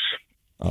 þannig að við vonum bara best að við getum spilað en við erum náttúrulega að horfa til dæmis eins og í 17 lið þeir eru með 2004 árgangin sem hefur ekki ennþá spilað landsleik. Nei. þeir eru rauninni verið búinir að spila einhverja tíu leiki. Já, þannig að þetta er ekkit er ekki draumastaða en, en það er allir að díla við þetta og við þurfum bara að setja hausin upp og kassa hann út sko já, Er allir, er allir tilbúnir að eh, svona landslísmenn, ef ef þú eh, talar við, skilur við þína ja, þína úlinga að, að hérna bara, herðu, við erum að fara til útlanda í nóvumber, er, þú, þú klárið það? Já, af af því sem hérna af því sem við höfum heitt þá er það ekkit mál náttúrulega margir sem spila ellendis og þeir sem eru að spila Já, ellendis já, já. þessu strákum er náttúrulega að spila hver einustu helgi og æfa Einmitt. þannig að fyrir þeir er kannski annað veruleiki með það og svo hérna heima hafa mér náttúrulega verið að spila fótbolta þannig til núna Já. og ég, það verður bara ég veit ekki annað Mm. en svo bara sjáum við til þegar búið að bóka flugið hvernig, hvernig staðan verður en ég heldur náum alltaf í líð er ekki skrítið að við líka alltaf undirbúa eins og hann að millir eða svo er hann ítrekka frestað aftur og aftur og aftur og, Já, og það svo er- veist ekki hvort það færi Það fram er með alveg rétt og alltaf verið að staðfesta nýja, nýja leiktíma og, og nýja leikvelli og maður er svona, þetta er aldrei Groundhog Day sko. Já, En það er samt eða náttúrulega bara spennandi líka að að ef nógum bygglugginn fyrir fram að þá erum við að horfa fram á það að náttúrulega hvernalið er að spila um að komast í úrslakeppnina og, og A-kalla og U21 og 19 eru að við erum öll, þessi liðir í sjens og það er nú eitthvað til að vera alltaf spenntu fyrir. Já, það það er enda rétt, það er, eh, Þannig að það má ekki gleyma því sko. Þannig að hérna, það eru öll liðin í, í hérna, bara góðu möguleika á að öll liðin sem er að spila er í daldi góðu möguleika á að komast til lokkepp. já, hvernig líst þér á hann U19 ára millir þér? Bara vel, bara vel, við erum með skemmtilegt lið og svona strákar sem eru tilbúinir að íta sig hans í langt og eru, eru hungraðir að vera góður fókbaltamenn. Þannig að mér líst bara vel á hann sko að fá að taka staðins á við hérna, þessi lið sem að spila á móti og, og, og kannski líka bara langt síðan undir 19, vorum óefnir í fyrra, komast ekki milliriðilinn og, og kannski daldi svona daldi svona hérna spennandi að sjá hvernig við klumum okkur í milliriðili undir 19, það er langt sem við farið þangað, þannig að vonandi verður hann spilaður en það verður tekin ákvörðun það er gláðnistu sem við komum heldur betur. Herðu, Dagur Snorri, herðu, ég ætla að hérna, sko, Ég ætla að reyna að lækka ég eða bara skella á eða eitthvað, ég er bara, hérna, það kemur í ljós, Herru, en við herru, þökkum takk fyrir þér. þetta, gangið vel með þetta. Já, takk fyrir, kærlega. Það er lítið eftir, nú er bara þetta að klára þáttinn vel. Já, nú, Ok. sko, nú þarf ég að klára og nú þarf ég einhvern veginn að ringi elvar til að, sko, hvað ger ég svo? Já, þú sást upp út af tímaðin Leopold Nú þú spennum að klára leikin ok. klára leikin Þú að klára þetta, herru, Ég er það heyrumst. Dag, dag Takk fyrir stóka, bye bye. Já, já, Davíð Snorri á línunni, heldur betur, ég held að við séum, við erum ennþá onn, er það ekki? Jú, jú, og við erum að klára þetta, Benni, þetta er að gerast Þetta er ótrúlega. Og það er ekkert klikkað en þá Eh, Nei, Þannig við skulum vona að hún á er að íta verið að taka núna að við getum lokað þessu Elvar, Elvar hérna, eh, sko, hefur allan ekki haft samband um það að við séum ekki onn og eitthvað þannig, sko. Það er gott að vera búin með heilan hatt núna Engi búin að láta okkur vita engin, já, það var reynda skellur, sko. Já. Jöfuð sem skellur, maður. Herðu, hérna, Ég er svo góður það ekki er það ekki, ég Jú. þarf að, hérna, ég, ég, ég þarf ekki að fara að gera neitt. Herru, jú, bara kannski að lokum Það er njúkoslu sko, það er, ég þannig nú eiginlega, sko, Góður dagur í enskan Já, það er frábært dagur í enska, verða við kynna það hérna, uh, það er einhvern veginn þar ég að ná að horfa á Newcastle Manchester United með ákveðnum manni sko. Það- Já, Já, uh, hann er í öðru bæjarfélagi sko. já Og það er það er hérna, ég er náttúrulega er mjög harður, uh, skilur ef, ef, ef það eru lög í landinu sem að, og tilmæli frá víði og uh, sótólfi og ölmu Mm.